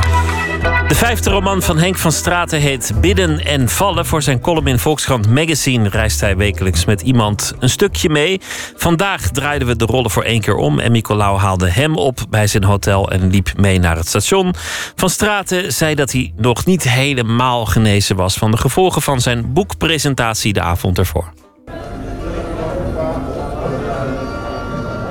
Oké. Zo. Ja, kater. Ja? Ja. Hoe heftig? Heel heftig. Ja, ik, heb niet over, ik, ben, ik was blij dat ik kon eten. Normaal, als ik zo'n erg kater heb, dan, ja, dan ben ik de hele dag het overgeven. En dus als ik honger heb, dan weet ik, deze valt op zich wel mee. Dan heb ik nog steeds ellende in mijn kop natuurlijk. Maar het had erger gekund. Ik ontmoet Henk van Straten in het Volkshotel. Daar waar vroeger de Volkskrant-redactie huisde. Het is luttele uren na de presentatie van zijn boek. Ondanks zijn kater ziet Van Straten er redelijk fris uit. De tatoeages uit zijn hardcore punktijd piepen onder zijn kraag en mouwen vandaan. In zijn hand houdt hij zijn nette pak, keurig opgeborgen in een donkere tas aan een hanger. Crème de la crème, luxe, super mooi pak. En nu hangt hij weer in een tas de komende maanden. Dit is je presentatiepak. Ja, dit was mijn presentatiepak, helemaal op maat gemaakt.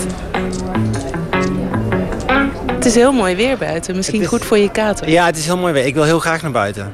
En ik ga nu uitchecken, ja. Oké. Je hebt ontbijt gehad. Ja. Het gaat allemaal naar de groep, dus je hoeft helemaal niks te Oh, yes. Oké, dan is die voor jou. Merci. Doei, doei. Doei. Oké, let's go. Oh, het is lukt. Lekker. Ja, waar gaan we naartoe? Naar Amstel, hè? Ik ga nu naar Amstel. Ik ga nu naar Amstel. Ik bepaal waar we naartoe gaan. Maar eh, is dat deze kant op? Ja, misschien kunnen we langs de Amstel lopen. Dat is wel een mooie, mooiere route. Oké. Ja, want jij doet dit altijd met andere mensen, hè? Onderweg meelopen ergens naartoe voor de Volkskrant. Het is niet altijd lopen, hè? het is ook vooral met de auto natuurlijk en in de trein. En, en hoe begin jij zo'n gesprek dan? Ja, een beetje zoals wij nu doen. Dat, je, dat jij dan zegt, zullen we langs de Amstel lopen? En dat ik dan zeg, ja, ja, ja. En dan, en dan kom ik misschien op een anekdote over de Amstel. Of, ik begin ook gewoon uit dat ongemak maar gewoon te praten. Omdat ik heb nooit, eh, ik heb nooit vragen of zo die ik van tevoren verzin. Ik doe geen onderzoek naar iemand, juist niet. Ik doe natuurlijk meer portretjes schrijven. En eh, het is heel subjectief. Ik, bedoel, ik heb ook een, ik heb een notitieblokje wel bij me, maar geen, geen eh, opnameapparatuur omdat die, die citaten zijn maar een heel klein deel van wat ik doe. Dus ik beschrijf veel meer hoe iemand aan zijn haar zit. Of waar hij me aan doet denken. En wat voor sfeer het is en wat voor weer. En... Wat voor weer is het? Misschien kan jij dat dan nu even omschrijven. Ja, maar ik heb dus niet eerlijk, hè, want ik heb een kater. En ik ben een schrijver, geen prater. Uh, maar het is nu, ja, hoe noem je dit? Een stralende herfstdag. Dat is niet heel lyrisch omschreven, dat weet ik. Maar, maar dat, dat, Ja, thuis, als ik ging schrijven, had ik dat mooier gedaan nu. Dan had ik dat mooier verteld. Maar nu hou ik het bij een stralende herfstdag. Henk van Straten werd geboren in Rotterdam, maar groeide op in Eindhoven, waar hij nog steeds woont. Sinds 2007 schreef hij vier romans, een jeugdroman, een kinderboek en een non-fictieboek. In 2012 had er nog een boek uit moeten komen, maar toen het af was, besloot hij het toch niet uit te geven. Dat, was, dat boek kwam te snel na de andere boeken en eh, had beter gemoeten. Ehm, en dat was in een tijd waarin ik, waarin ik heel jong en in, ook in een hele korte duur vier romans heb gepubliceerd. En eh, dat was een soort kickstart en dat was heel ook bijzonder en goed ook. Ik bedoel, het is allemaal gegaan zoals het is gegaan, maar dat, dat ging enorm snel en haastig. En, uh, en toen kwam dat boek en dat was gewoon niet goed genoeg. En heeft dit boek, uh, je nieuwe boek, daar op een of andere manier nog mee te maken? Is dat toch een verbetering of ben je echt uh, helemaal opnieuw begonnen? Nou, ik ben wel helemaal opnieuw begonnen. Sowieso was dat een punt waarop ik besloot, ik ga het nu helemaal anders doen. Dus dat heeft er ook mee te maken dat ik naar een andere uitgever ben gegaan. En dat ik veel langer de tijd wilde gaan nemen om een, om een boek te schrijven. Om een groot, groot opgezet verhaal uh, te gaan maken. En, en absoluut thematiek van dat boek dat niet is uitgekomen, is ook wel weer overgeheveld naar dit boek.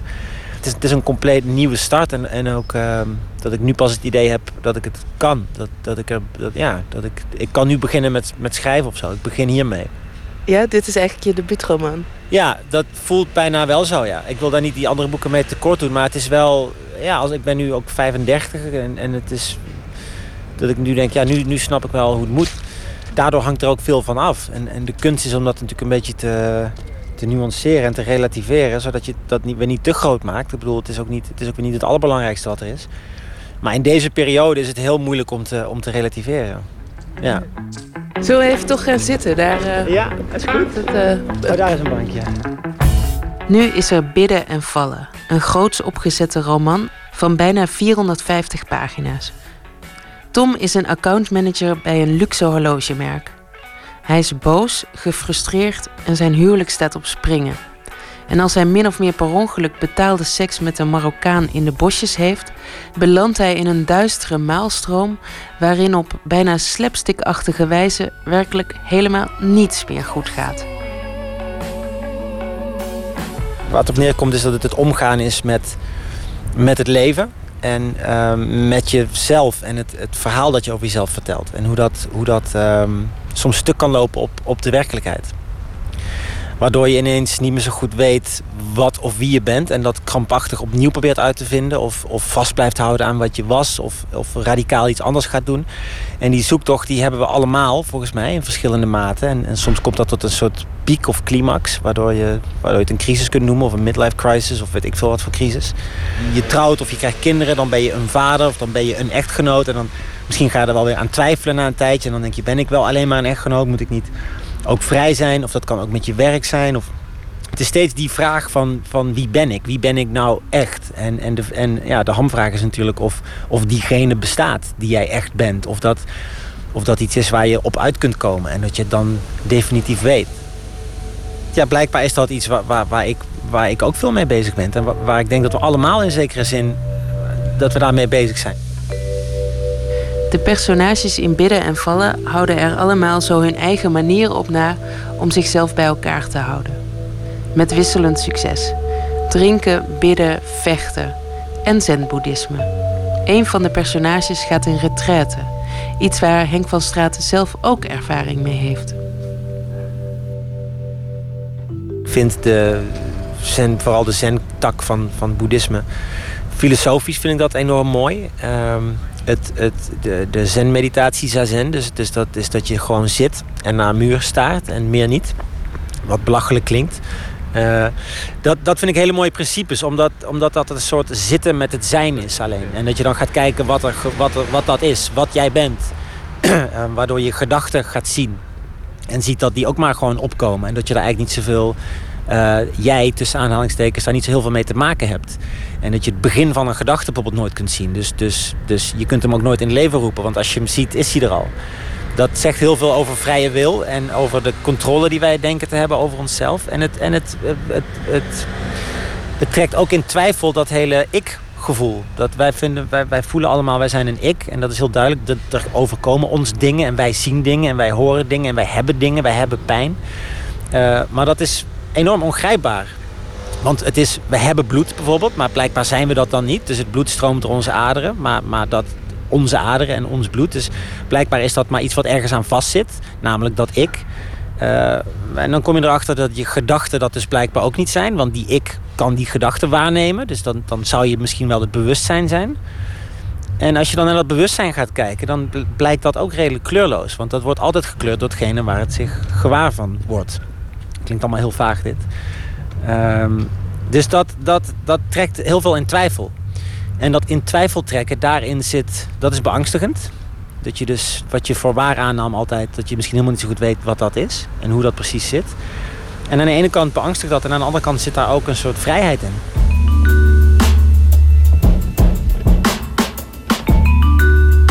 Op een kussen zitten en naar een muur kijken. Als middel om jezelf bij elkaar te houden. Ik vraag van Straten of schrijven ook zo'n manier is. Vorig jaar scheidde hij namelijk van zijn vrouw. En over dat scheidingsproces hield hij voor magazine Linda een wekelijks dagboek bij. Vaak bijna pijnlijk persoonlijke stukjes. In zijn laatste bijdrage schrijft hij: Ik verwerk door te schrijven. Ik probeer mezelf en de wereld te begrijpen door te schrijven. Door, door, ergens over te schrijven wordt het ook duidelijker en geef je het gestalte en kun je het misschien beter verwerken. En um, blijkbaar is mijn eerste reactie op, op uh, tegenspoed of onheil of, of uh, tragedie, is daar toch over te schrijven. En dat is ook inderdaad belangrijk voor het verwerkingsproces. Maar dat is ook omdat ik dus dat beschouw als materiaal. Het leven is voor mij materiaal. En als dat materiaal me wordt aangereikt, ook al is dat mijn eigen ellende, dan vind ik dat toch heerlijk om te gebruiken. Dat is ook, het is ook bijna een soort sport. Dat je denkt, ja, maar ja, dit, dit is zo mooi of, of tragisch. um, daar ga ik toch ook nu over schrijven. Dat is opportunistisch. Um, maar misschien niet per se in de negatieve zin van het woord. Ja, dat, dat moet, er zijn mensen die dat wel vinden hoor. En uh, dat, dat mag ook. Um, maar het is wat ik doe. Oh, en ondertussen mijn kop. Ja, je kop barst uit elkaar. Oh, ja, het is echt... Dan hoor je jezelf ook zo praten, bla bla bla bla bla bla. En ook gek dat dat dan gewoon ook lukt. Terwijl ik eigenlijk mijn hoofd voelt als een soort mottenbal. Je wil gewoon wegrennen van je eigen hoofd. Dat is... Dat, dat zou zo heerlijk zijn nu. Het gaat over. Het gaat zeker over, ja, zeker. En dat, dat vind ik ook, dat is weer mooi aan een kater. Um, dat moment waarop je voelt dat die wegtrekt. Dat is een soort, en dat je dan weer lekker kunt eten. En dat is ook een soort uh, wedergeboorte. Dus soort phoenix herreis je dan weer. Dat is, dat is schitterend. Dat je, dat, dat je weer kunt genieten van gewoon je gezond voelen en fit. Daarvoor moet je je af en toe uh, slecht voelen. Nou, dus daarom drink ik. Amstel is daar. Yes. Je bent er bijna. Nou, dan ga ik daar naartoe uh, lopen met mijn kater en mijn pak. Doei!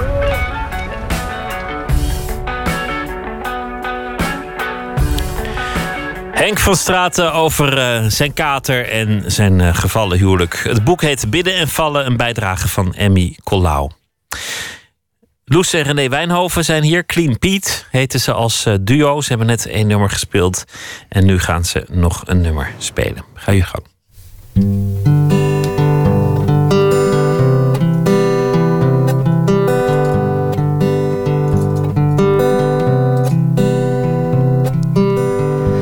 Denk maar niet dat het zo gaat. Het klapt, het fluistert, lacht en staart. Oh, kijk naar die mensen dan. Waarom zegt niemand daar wat van? Neem me mee, haal me weg hier.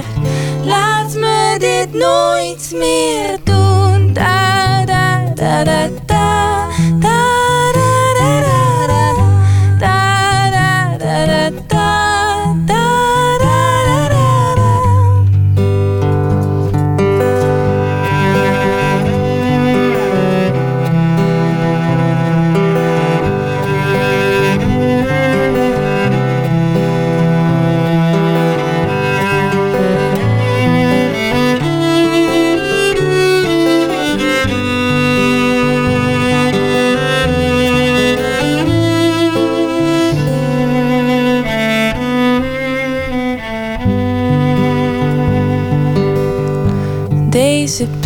Is niet voor mij. Hoe lang nog is het al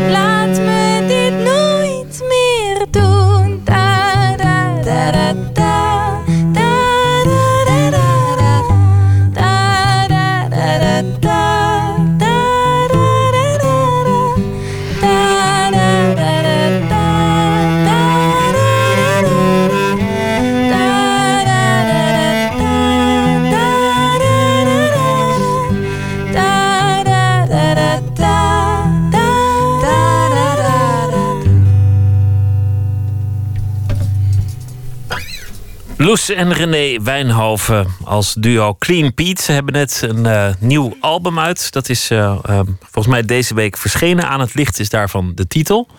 Opgenomen eh, in Antwerpen, onder meer. Hoe is het eigenlijk begonnen? Hebben jullie, hebben jullie zo lang als jullie kunnen herinneren... altijd al samen gespeeld en, en samen gezongen? Of is er een moment geweest dat dit ontstond? Nou, het is allemaal begonnen met eh, blokfluit. En toen we zes waren, toen eh, heb ik gekozen voor cello en Loes voor viool. En toen gingen we heel snel samen een orkestje spelen en ook daarbuiten die partijen samen oefenen. Dus het is ooit begonnen met cello en viool. En ehm, op de middelbare school ontdekten we veel coolere muziek. Dus toen eh, ging ik drummen en basgitaar spelen. En Loes ging eh, alle. We probeerden zoveel mogelijk instrumenten te beheren, te beheersen die eh, echte bands ook hadden. Maar uiteindelijk zijn we toch weer bij cello en gitaar uitgekomen. En, en de Nederlandstalige popmuziek, wan- wanneer begon dat? Hoe, hoe is dat ontstaan? Ik denk dat dat zo'n inmiddels vier jaar geleden is begonnen. We schreven dus altijd Engelse liedjes. En eh, ik schreef eh, toen de tijd een blog. Dat heb ik eigenlijk sinds mijn twaalfde gedaan. En eh, veel van de teksten die we schreven, die kwamen dan voortgevloeid uit de blogs die ik had geschreven.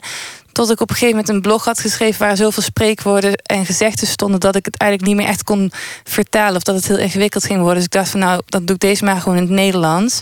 En toen speelde ik dat liedje voor René en René dacht, Eureka. We hebben iets, dit, We dit, hebben dit iets. werkt. Die combinatie van folk, pop, eh, klassiek, maar ook, ook onmiskenbaar iets, iets eigens. Was het meteen de bedoeling om, om naar buiten te treden, of was het eigenlijk meer voor eigen consumptie? Of zijn jullie meteen optredens gaan boeken, platen, bazen gaan aanschrijven? Ik denk dat ik wat dat betreft eh, de meest actieve daarin ben. Loes was eigenlijk pertinent van dit, houden, dit houden we gewoon tussen ons twee. Terwijl ik had echt zoiets van, nou, dit, dit gaan we doen. Dit, dit- hier kunnen we iets mee. En toen begon het met... ehm, dat ik ons inschreef voor eh, de grote prijs van Nederland. Ik ging zoeken van hoe, hoe, hoe kun je nou iets gaan, eh, gaan eh, ja, hoe kun je nou naar buiten treden met je muziek. Dus ik had ons ingeschreven en, Loes was die dag weg. En toen kwam ze thuis en toen zei ik van ik heb ons ingeschreven voor de grote prijs. En toen werd ze ontzettend kwaad. En toen belde ze de organisatie op dat ze ons meteen weer moesten uitschrijven. En dat het gewoon nog lang niet goed genoeg was. Maar ik heb zoiets van we gaan, we gaan het gewoon doen en gaandeweg ontwikkel je je. Ja, maar en toen hebben we ook. Eh, nou, Toen René dat allemaal tegen mij zei, ben ik erover na gaan denken van nou, wat willen we dan eigenlijk? En toen heb ik de organisatie weer opgebeld met, eh er was een miscommunicatie binnen de band. En we willen graag alsnog toch wel meedoen. En toen waren we ingeschreven. En we hadden alle twee zoiets van, oké, als we dan maar gaan meedoen, dan gaan we ook wel echt zorgen dat het geen flop wordt. En toen zijn we in de finale terechtgekomen in Paradiso. En vanaf daar kwam eigenlijk Excelsior erbij. En Anne Soldaat die onze eerste plaat heeft geproduceerd. En vanaf daar ging het verder. Is, is het gaan lopen en toen kwam ook ergens de naam Clean Pete, vernoemd naar een, een dorpsgek, naar ik heb begrepen. Die hadden we echt al heel lang, die naam. Die, hadden was nog al. uit onze 15-jarige eh, eh, tijd dat we dachten dat we een supercoole punkband waren. En toen gingen de liedjes over inderdaad Piet, die drugsverslaafd was. En hoe het zou zijn geweest als hij clean was geweest. Maar we hebben die naam gehouden omdat het Clean Piet is voor ons een soort van symbool geworden voor een fantasie of een verlangen. Iets wat, waarvan je weet dat het misschien niet per se waar kan worden. En we zingen nog steeds over verlangens. Dus Clean Piet is voor ons dat.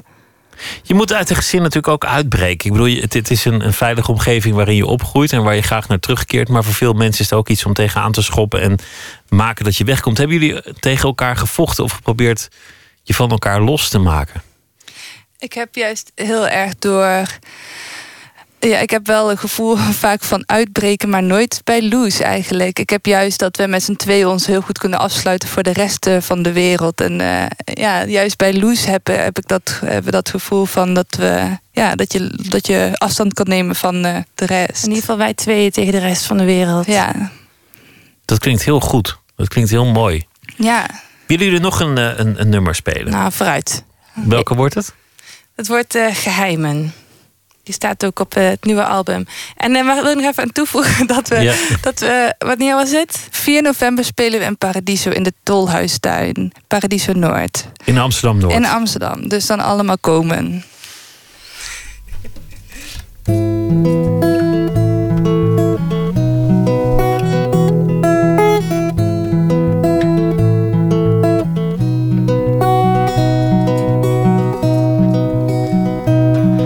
Op het pakje stond voor twee personen. In mijn eentje ging het ook best goed. Het ging zelfs uitstekend. Ik weet zelf best hoe het moet. Want s'nachts als ik dan, en dat jij dan, en dat dan 80 keer per week. En dat ik dan heel boos word omdat je niet echt naar me keek. Oh, ik weet niet wat ik wil. Dus ik denk dat ik maar ga. Ik zou blijven. Dus dat ik nu al buiten sta.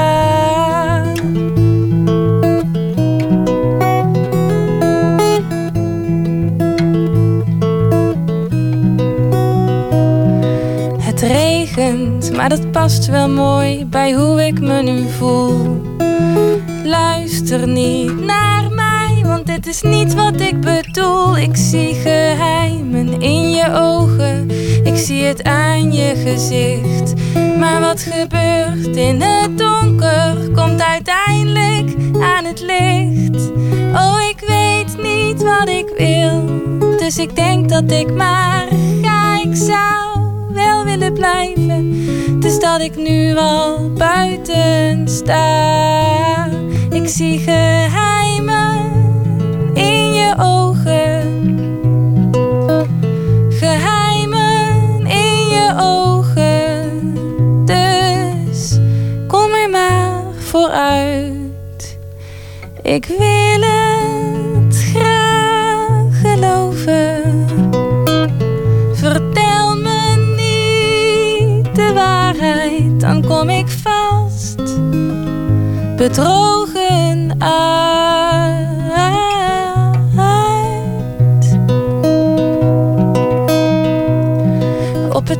Stond voor twee personen. In mijn eentje ging het ook best goed.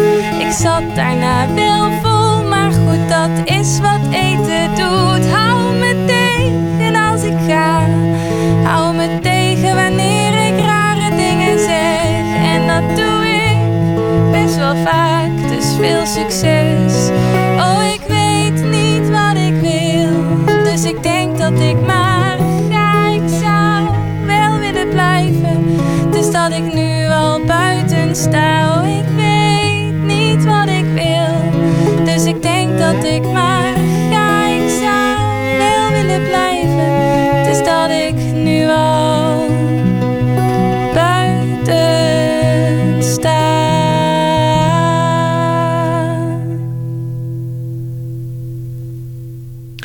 Van het album Aan het Licht, Loes en René Wijnhoven als het duo Clean Pete. En 4 november treden ze op in Paradiso in Amsterdam-Noord in de Tolhuistuin. Dank dat jullie eh, te gast wilden zijn en dank dat jullie eh, al jullie spullen hebben meegenomen om hier eh, te zingen. Heel graag mij gedaan. En voor de rest van het land. Dankjewel. Nooit meer slapen. Vanavond is in Amsterdam het Klik Amsterdam Animation Festival 2015 begonnen. Een festival dat zich heel en al toelegt op animatie als kunstvorm. Botte Jellema is de nachtcorrespondent. Hij was erbij. Goeienacht, eh, Botte. Dag Pieter. Het Amsterdam Animation Festival. Maar het, het is wel een soort wereldwijd festival, geloof ik, toch? Ja, zeker. Want eh, die films die komen van over de hele wereld eh, die er vertonen worden. Uit meer dan 80 landen. Uh, het Klikfestival dat streeft er wel naar om de Nederlandse animatiesector te stimuleren. Maar uh, zoals dat openingsprogramma van vanavond, dat was bijvoorbeeld helemaal in het Engels. Er zaten zo'n uh, 350 mensen in de zaal van het AI Filminstituut. Dat is waar het zich allemaal zo'n beetje afspeelt in uh, Amsterdam, Amsterdam-Noord. En dat waren dan vooral mensen uit de sector voor deze avond, voor die opening. Dus dan heb je het over dus de makers, animatiemakers. Maar ook mensen die voice-overs doen, producenten en andere bedrijven die ermee hebben te maken. Bij animatie zou je allereerst denken aan de tekenfilm, maar wat is het nog meer? Nou ja, dat tekenen dat is nog steeds heel erg belangrijk. Uh, vanavond kregen we een beetje een uh, doorsnee te zien van wat er op dit festival allemaal draait. Uh, het, tekenen is belangrijk, maar ja, eigenlijk alles wat je in stop motion kan vangen. Dus dat is zeg maar dat je dus plaatje voor plaatje iets net beweegt. Of, je dat, of dat nou mensen zijn of poppetjes of wat dan ook maar. Of dat het getekende dingen zijn. Alles is mogelijk. Ik heb, en natuurlijk, de, en tegenwoordig ook wat er uit de computer komt natuurlijk. Straks kan ik het even met je hebben over de internationale kant van het festival. Maar eerst even naar Nederland. Uh, ik sprak de directeur van het eh, festival. Dat is uh, Yvonne van Ulde. Zij presenteerde ook een belangrijk deel van de, van de introductie. En ik vroeg haar om te beginnen of Nederland een beetje op de animatiekaart staat. We hebben zeker een heleboel talenten. En die talenten vallen op in het buitenland. Hele grote industrie hebben we nog niet. Maar er is echt een momentum en heel erg wil om grotere studio's te beginnen, om grotere projecten te gaan doen. Dus dat series, lange speelfilms. Um, ja, is echt een, een jonge generatie mensen die uh, met heel veel ambitie. Nou, en dat zag ik ook in de zaal. Een relatief jong publiek. Uh, en dat het hier in Nederland niet zo slecht gaat... dat konden we eigenlijk ook al afleiden aan de Oscar-nominatie... van uh, de studio van Job, Joris en Marieke... zoals ze zichzelf noemen, van vorig jaar. Um, ze hebben die toen niet gekregen. We hebben er toen ook een verslag van gedaan. Uh, maar dit jaar, dat is wel grappig... zijn ze weer de inzending namens Nederland voor de Oscars. Dus het kan nog, of weer. Een onderdeel van het Quick Festival is de Arabische lente en de Arabische herfst. Arab Spring and Fall heet dat eh, programma. Korte animatiefilms uit de Arabische wereld. Waar moet ik dan aan denken? Ja, dat zijn uh, films die uh, gaan over de hoop die de Arabische lente heeft gebracht. Maar ook de treurige verhalen uit die regio. Met name van uh, deze tijd natuurlijk. Films uit Jordanië, Tunesië, Syrië, Irak, Libanon. ze zagen bij het programmeren van dit festival dat er heel veel inzendingen kwamen vanuit die regio. Dat veel makers daarmee bezig zijn. En toen hebben ze dat een beetje uitgediept door de samenwerking te zoeken met een festival in Dubai. En nou ja, inmiddels hebben ze dus een kleine twintig lengtevarianten van anderhalve minuut tot een kwartier. En festivaldirecteur Yvonne van Ulden die vertelt waar die films over gaan als je de vroegste films vanaf de Arabische lentes kijkt, dan, dan zie je een soort van vrolijke, kritische YouTube-films met veel humor en ook nog veel, uh, veel lol. Ja, en daarna uh, gaat het over bombardementen en gaat het over verlies en gaat het over opgroeien met wapens. Uh, gaat het, wordt het sarcastisch, wordt het ironisch. Hmm. Um, er zijn ook films die, die hoop bieden, die, die een soort van sprankjes hoop laten zien te midden van verwoeste steden. Um, dus nee, het is, het, is, het is geen vrolijk programma. Nou ja, een voorbeeld uh, uit die serie, uit dat programma... is de film Like There Is No Tomorrow... van de Canadees-Libanese maker Marilyn Haddad.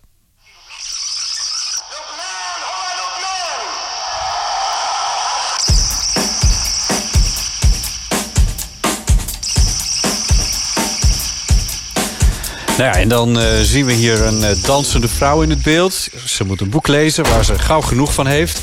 Dan wordt ze gevolgd door een duistere man die uh, als een motje die een mot verandert en onder haar kleren verdwijnt en dan ook weer weggejaagd wordt. we zien hoe ze door een verkeersopstopping heen gaat. Nou, allemaal dagelijkse stress van het leven in Libanon, waar deze dame zich al dansend aan ontworstelt. Nou, de maakster die is in Nederland bij dit festival. Vanavond was ze er ook. En ik kon haar even vragen waar haar film over gaat. She's just living her life, just going through different types of routines and stuff. And at the end, just life happens and there's there's a lot of war and stuff. And she ends up dying just trying to live.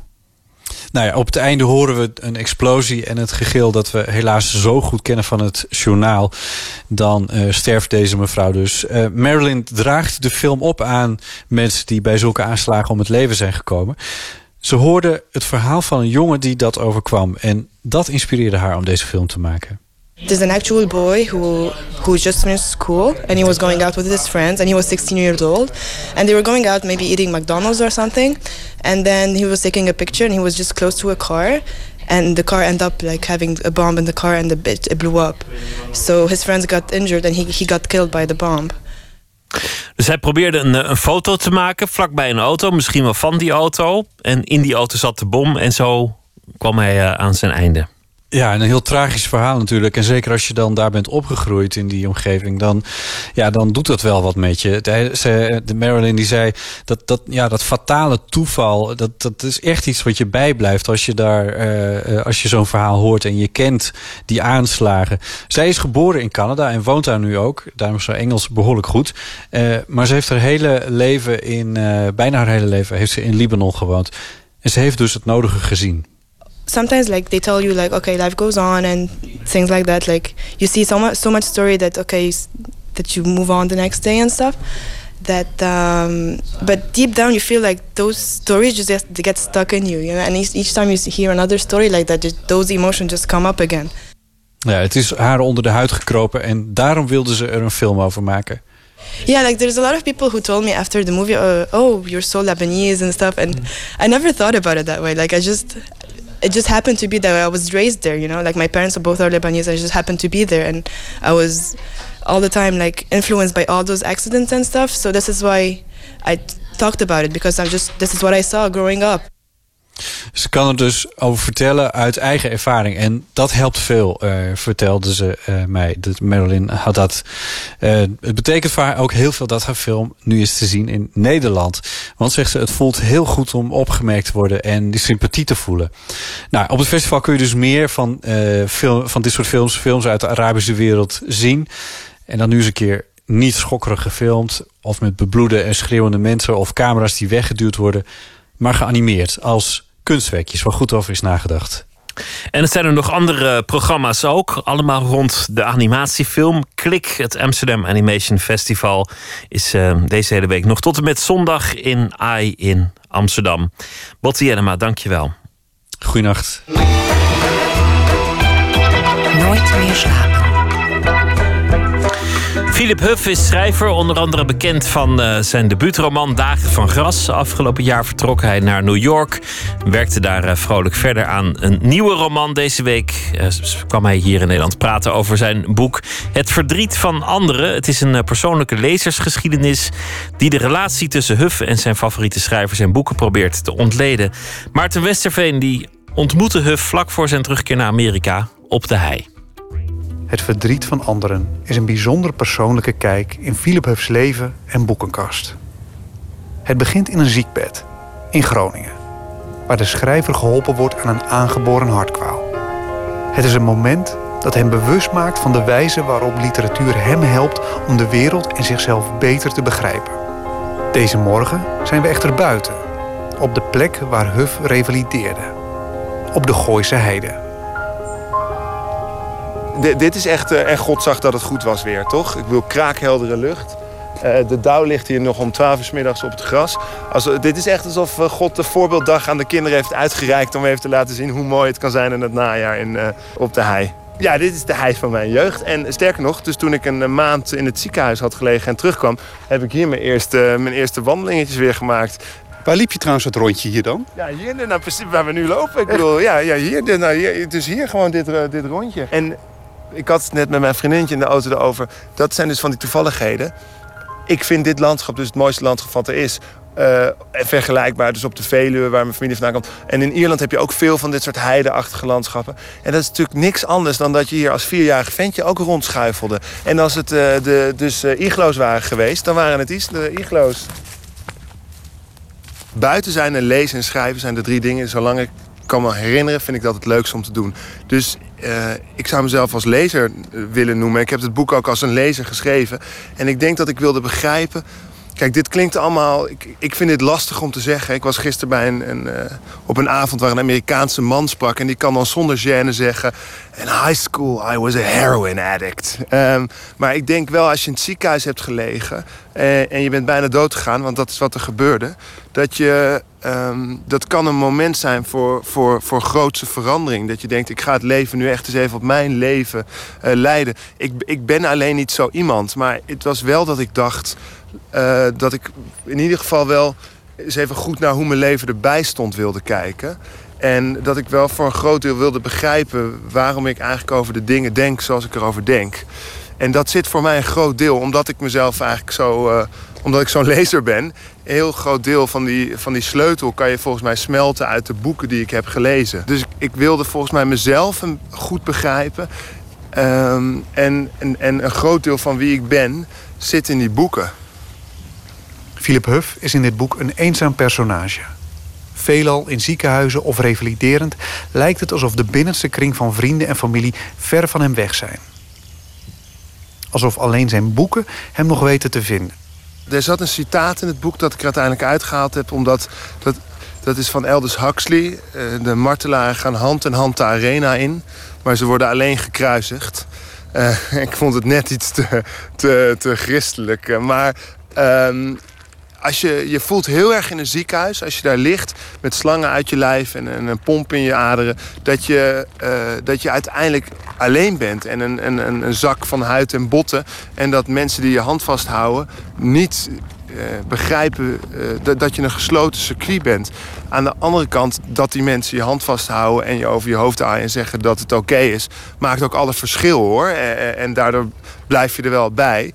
Maar ik voelde wel heel sterk dat je zelf ehm, een soort, dus niet alleen een zak van huid en botten, maar ook van toevallige vooroordelen, ervaringen, wat je dan hebt meegekregen, welke verhalen je in je computersysteem hebt geladen en waardoor je zo naar de wereld kijkt. Dus ik wilde eigenlijk mezelf eens heel goed begrijpen door gewoon eens per soort van computerspel dat ik heb gespeeld, eh, dus de boeken, ehm, te kijken wat ik daar dan aan over heb gehouden. En ik denk wel dat je dat ook kan spiegelen. Bijvoorbeeld aan Into the Wild. Die, eh, die jongen die gaat 2,5 jaar reizen door Amerika om, om los te laten, zeg maar, eh, de verwachtingen van zijn ouders en, en wat zijn milieu met zich bracht aan eh, verplichtingen. En uiteindelijk 2,5 jaar later in een, bus in Alaska houdt hij een dagboek bij in de marges van, van, de, van de boeken die hij mee heeft gebracht. Ehm, eh, op zeg maar 7 kilo bepakking, 2 kilo boeken. En dan schrijft hij op een gegeven moment als een van de beste en laatste inzichten... eh, happiness is only real when shared. Dus dat, ehm, dat er een moment is wel nadat je dus aan dat zelfonderzoek hebt gedaan... eh, dat je je weer openstelt eh, voor anderen. En, en ik, ik geloof ook dat met die, die paar van die boeken, Truman Capote... In Cold Blood, maar ook zeker het laatste boek uit het boek dat ik bespreek van Maartje Wortel IJstijd. Dat dat boeken zijn die je heel erg in verbinding stellen met anderen. En dat dat een, een van de gevolgen van lezen. Lezen lijkt een hele afgesloten activiteit, maar het is eigenlijk een heel sociaal iets.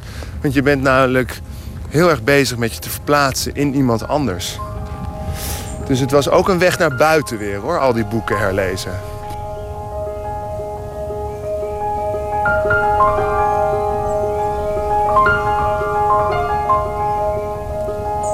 Wetenschappelijk onderzoek toont aan dat mensen die veel lezen, kinderen en volwassenen, maar bij kinderen vind ik het eigenlijk nog geruststellender, eh, zich gemakkelijker kunnen voorstellen hoe andere mensen zich voelen. Eh, en dat ze creatiever en probleemgerichter kunnen gaan denken. Maar neem alleen even het eerste. Dat ze zich dus makkelijker kunnen verplaatsen in, in andere mensen. Ehm, doordat je dus leest, eh, ben je blijkbaar eh, in staat om eh, je empathie te trainen. En dan is de vervolgvraag voor mij in mijn hoofd... en dat heeft met je wereldbeeld te maken... woon je liever of leef je liever in een wereld... waarin mensen goed kunnen begrijpen... of beter kunnen begrijpen hoe jij je voelt... of in een wereld waarin ze dat minder goed kunnen... Ehm, nou, en ik, eh, dat zal de getergde kunstenaar in mij zijn. Maar ik vind me onbegrepen voelen altijd eh, nogal teleurstellend. Dus ehm, ik denk dat, dat als je dat weet, dat lezen mensen kan helpen in het lezen van het leven. Dus niet alleen zeg maar in het lezen van letters op papier en in het elkaar een beetje begrijpen. Ehm, daar wil ik best een vurig pleidooi voor houden. En ik, ik geloof ook heel erg dat intuïtief weet je dat ook allemaal wel. Omdat wat kinderen soms zeggen over als je ze voorleest of over verhalen. Mijn vrienden hebben nu allemaal kinderen dat dat zo langzamerhand een beetje kan. Dan, dan merk je dus dat die boeken hun, hun, hun, hun kennis van de wereld en de kennis van de ander zo indrukwekkend vergroten. Dat, je, dat het zou gek zijn als dat bij volwassenen uh, niet ook zo zou zijn. Lezen om de wereld en onze plek daarin beter te begrijpen. Dat raakt aan het motto van het eerder genoemde Into the Wild. En dat motto luidt: wat een genot om verscholen te zijn, maar wat een tragedie om nooit gevonden te worden. Ja, natuurlijk. Uh, ik bedoel, uh, het, als het niet te veel als te, uh, te stichtelijk klinkt. Iedereen wil gezien worden en iedereen wil af en toe een klopje op zijn schouder krijgen van het is oké, het is goed. Ik was gisteren, hoorde ik Jaap Bresser spreken, een, een jongen die in een rolstoel zit. En, en die vertelde dat toen dat gebeurde en had krak in zijn nek gehoord en hij wist het is verkeerd. En hij lag, lag een dag of weet ik veel wat later in Portugal in het ziekenhuis. En hij werd s'nachts wakker en, en, hij zat dus nu in dat nieuwe verlang, verlamde lichaam. Uh, dat het enige wat hem eigenlijk rust bracht was dat Carlos, zijn verpleger, naar hem toe kwam... en zijn hand op zijn schouder legde waar hij nog wat voelde. En dat hij zei, het is oké. Weet je wel, jij bent hier en je bent bang. En ik zie dat en dat is oké. Um, en ik, ik, ik, denk dus dat dat is het paradoxale, van, het mooie van dat motto uiteindelijk is natuurlijk iedereen onkenbaar en verscholen in zichzelf. Maar het is ook heel fijn als iemand je pakt en een hand op je schouder legt en zegt... maar ik zie je wel voor wie je bent. Um, in hoeverre, je, je, dit gaat voor een flink deel over jouw lezen. Maar is dit ook waarom je schrijft? nou, ik schrijf om allerlei redenen. Ik, als er, een, er is nergens één reden voor, geloof ik. Ik schrijf omdat ik het heel leuk vind om te doen. Ik schrijf omdat ik heel erg het dat ik op mijn plek ben als ik schrijf. Ik schrijf om dingen te begrijpen. Als ik ergens mee zit, ben ik iemand die gewoon eh, communiceert met wat hij schrijft... om te begrijpen wat er aan de hand is. Maar ik schrijf ook voor een deel om... Uh, om, om, gezien, om gezien te worden. En dan gaat het niet om of het om 100.000 lezers gaat of om twee. Het gaat erom dat ik zou heel graag hebben dat iemand een verbinding voelt met wat ik schrijf. Zoals ik in dat boek schrijf over wat ik voelde toen ik Carver of Hemingway of Woolf las. Dat je even heel dicht bij de ander komt. Uh, de hand in hand de arena.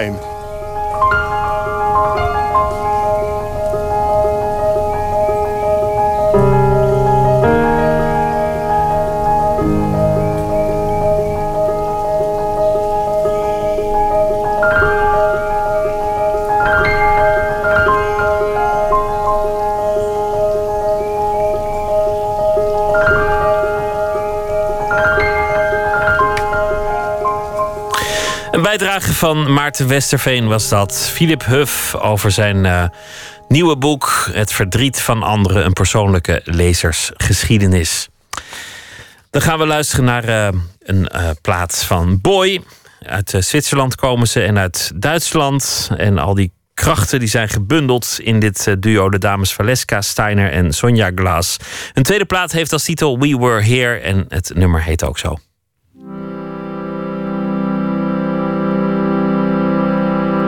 We walk these streets like kids, our faces in the wind. And everywhere we were, we made the city sing. We sang for every young, we had our fingers crossed. And when the city sleeps, it dreams of us.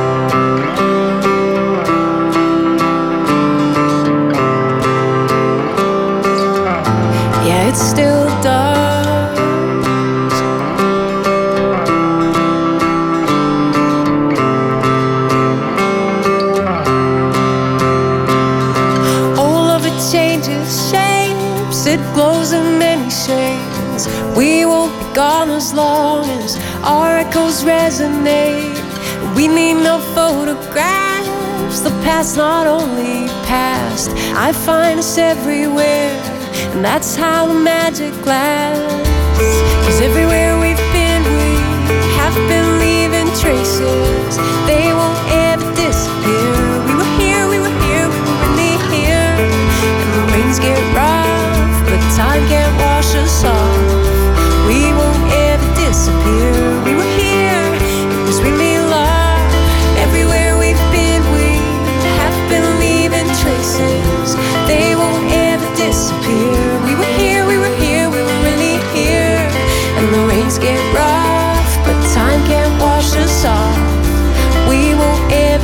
disappear. We were here, it was really long.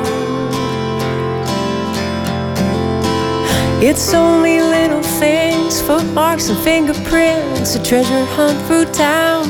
It's full of evidence, our monuments are all around. Everything's on the move, the paint is wet, all colors are new. But if you look carefully, you'll see us shining through. Traces. They won't ever disappear. We were here, we were here, we were really here. And the winds get rough, but time can't wash us off. We won't ever disappear. We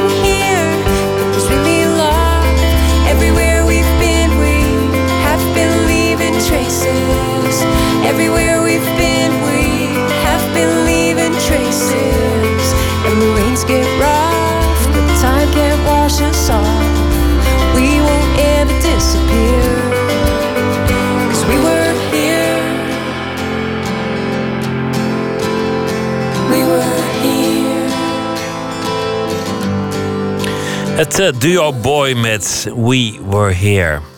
Martin Rijns is dichter en SCS. Deze week zal hij elke nacht een gedicht uitkiezen en voordragen. Vannacht een gedicht van Paul van Ostaaien, Melopé.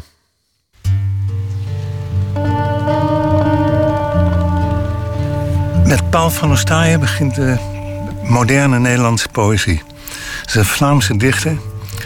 Leefde van 1896 tot 1926. En dit gedicht, Melopé, is erg bekend. Staat in veel bloemlezingen. Hij heeft het zelf voorgelezen in het jaar voor zijn dood, 1925. En ja, ik zou er goud voor over hebben om er een opname van te horen... maar die bestaat bij mijn weten niet. Het gedicht uh, Melopé heet het. Hij beschrijft hier een kano die naar zee gaat. En die tekst die moet je denk ik zien als een ritmisch gezang... dat dat beeld of dat filmpje van die kano begeleidt. Het gedicht is uh, opgedragen aan zijn vriend Gaston Bussens. Melopé. Onder de maan schuift de lange rivier. Over de lange rivier schuift moeder de maan. Onder de maan, op de lange rivier, schuift de kano naar zee. Langs het hoogriet, langs de laagwei, schuift de kano naar zee. Schuift met de schuivende maan de kano naar zee. Zo zijn ze gezellen naar zee. De kano, de maan en de man. Waarom schuiven de maan en de man getweeën, gedwee naar de zee? Martin Rijns las een gedicht van Paul van Ostaaien. Morgen zal hij weer een uh, gedicht uitkiezen. Morgen in Nooit meer slapen Aafbrand Korstius, columnist voor uh, onder andere de Volkskrant. Schreef ook meerdere boeken en heeft ook een uh, theatervoorstelling voor Mug met de Gouden Tand gemaakt. Een fikse linkse vrouw is daarvan de titel. Morgen komt ze op bezoek. Dit was het voor vannacht. En graag weer tot morgen. En zometeen de vrienden van WNL op NPO Radio 1. Een hele goede nacht.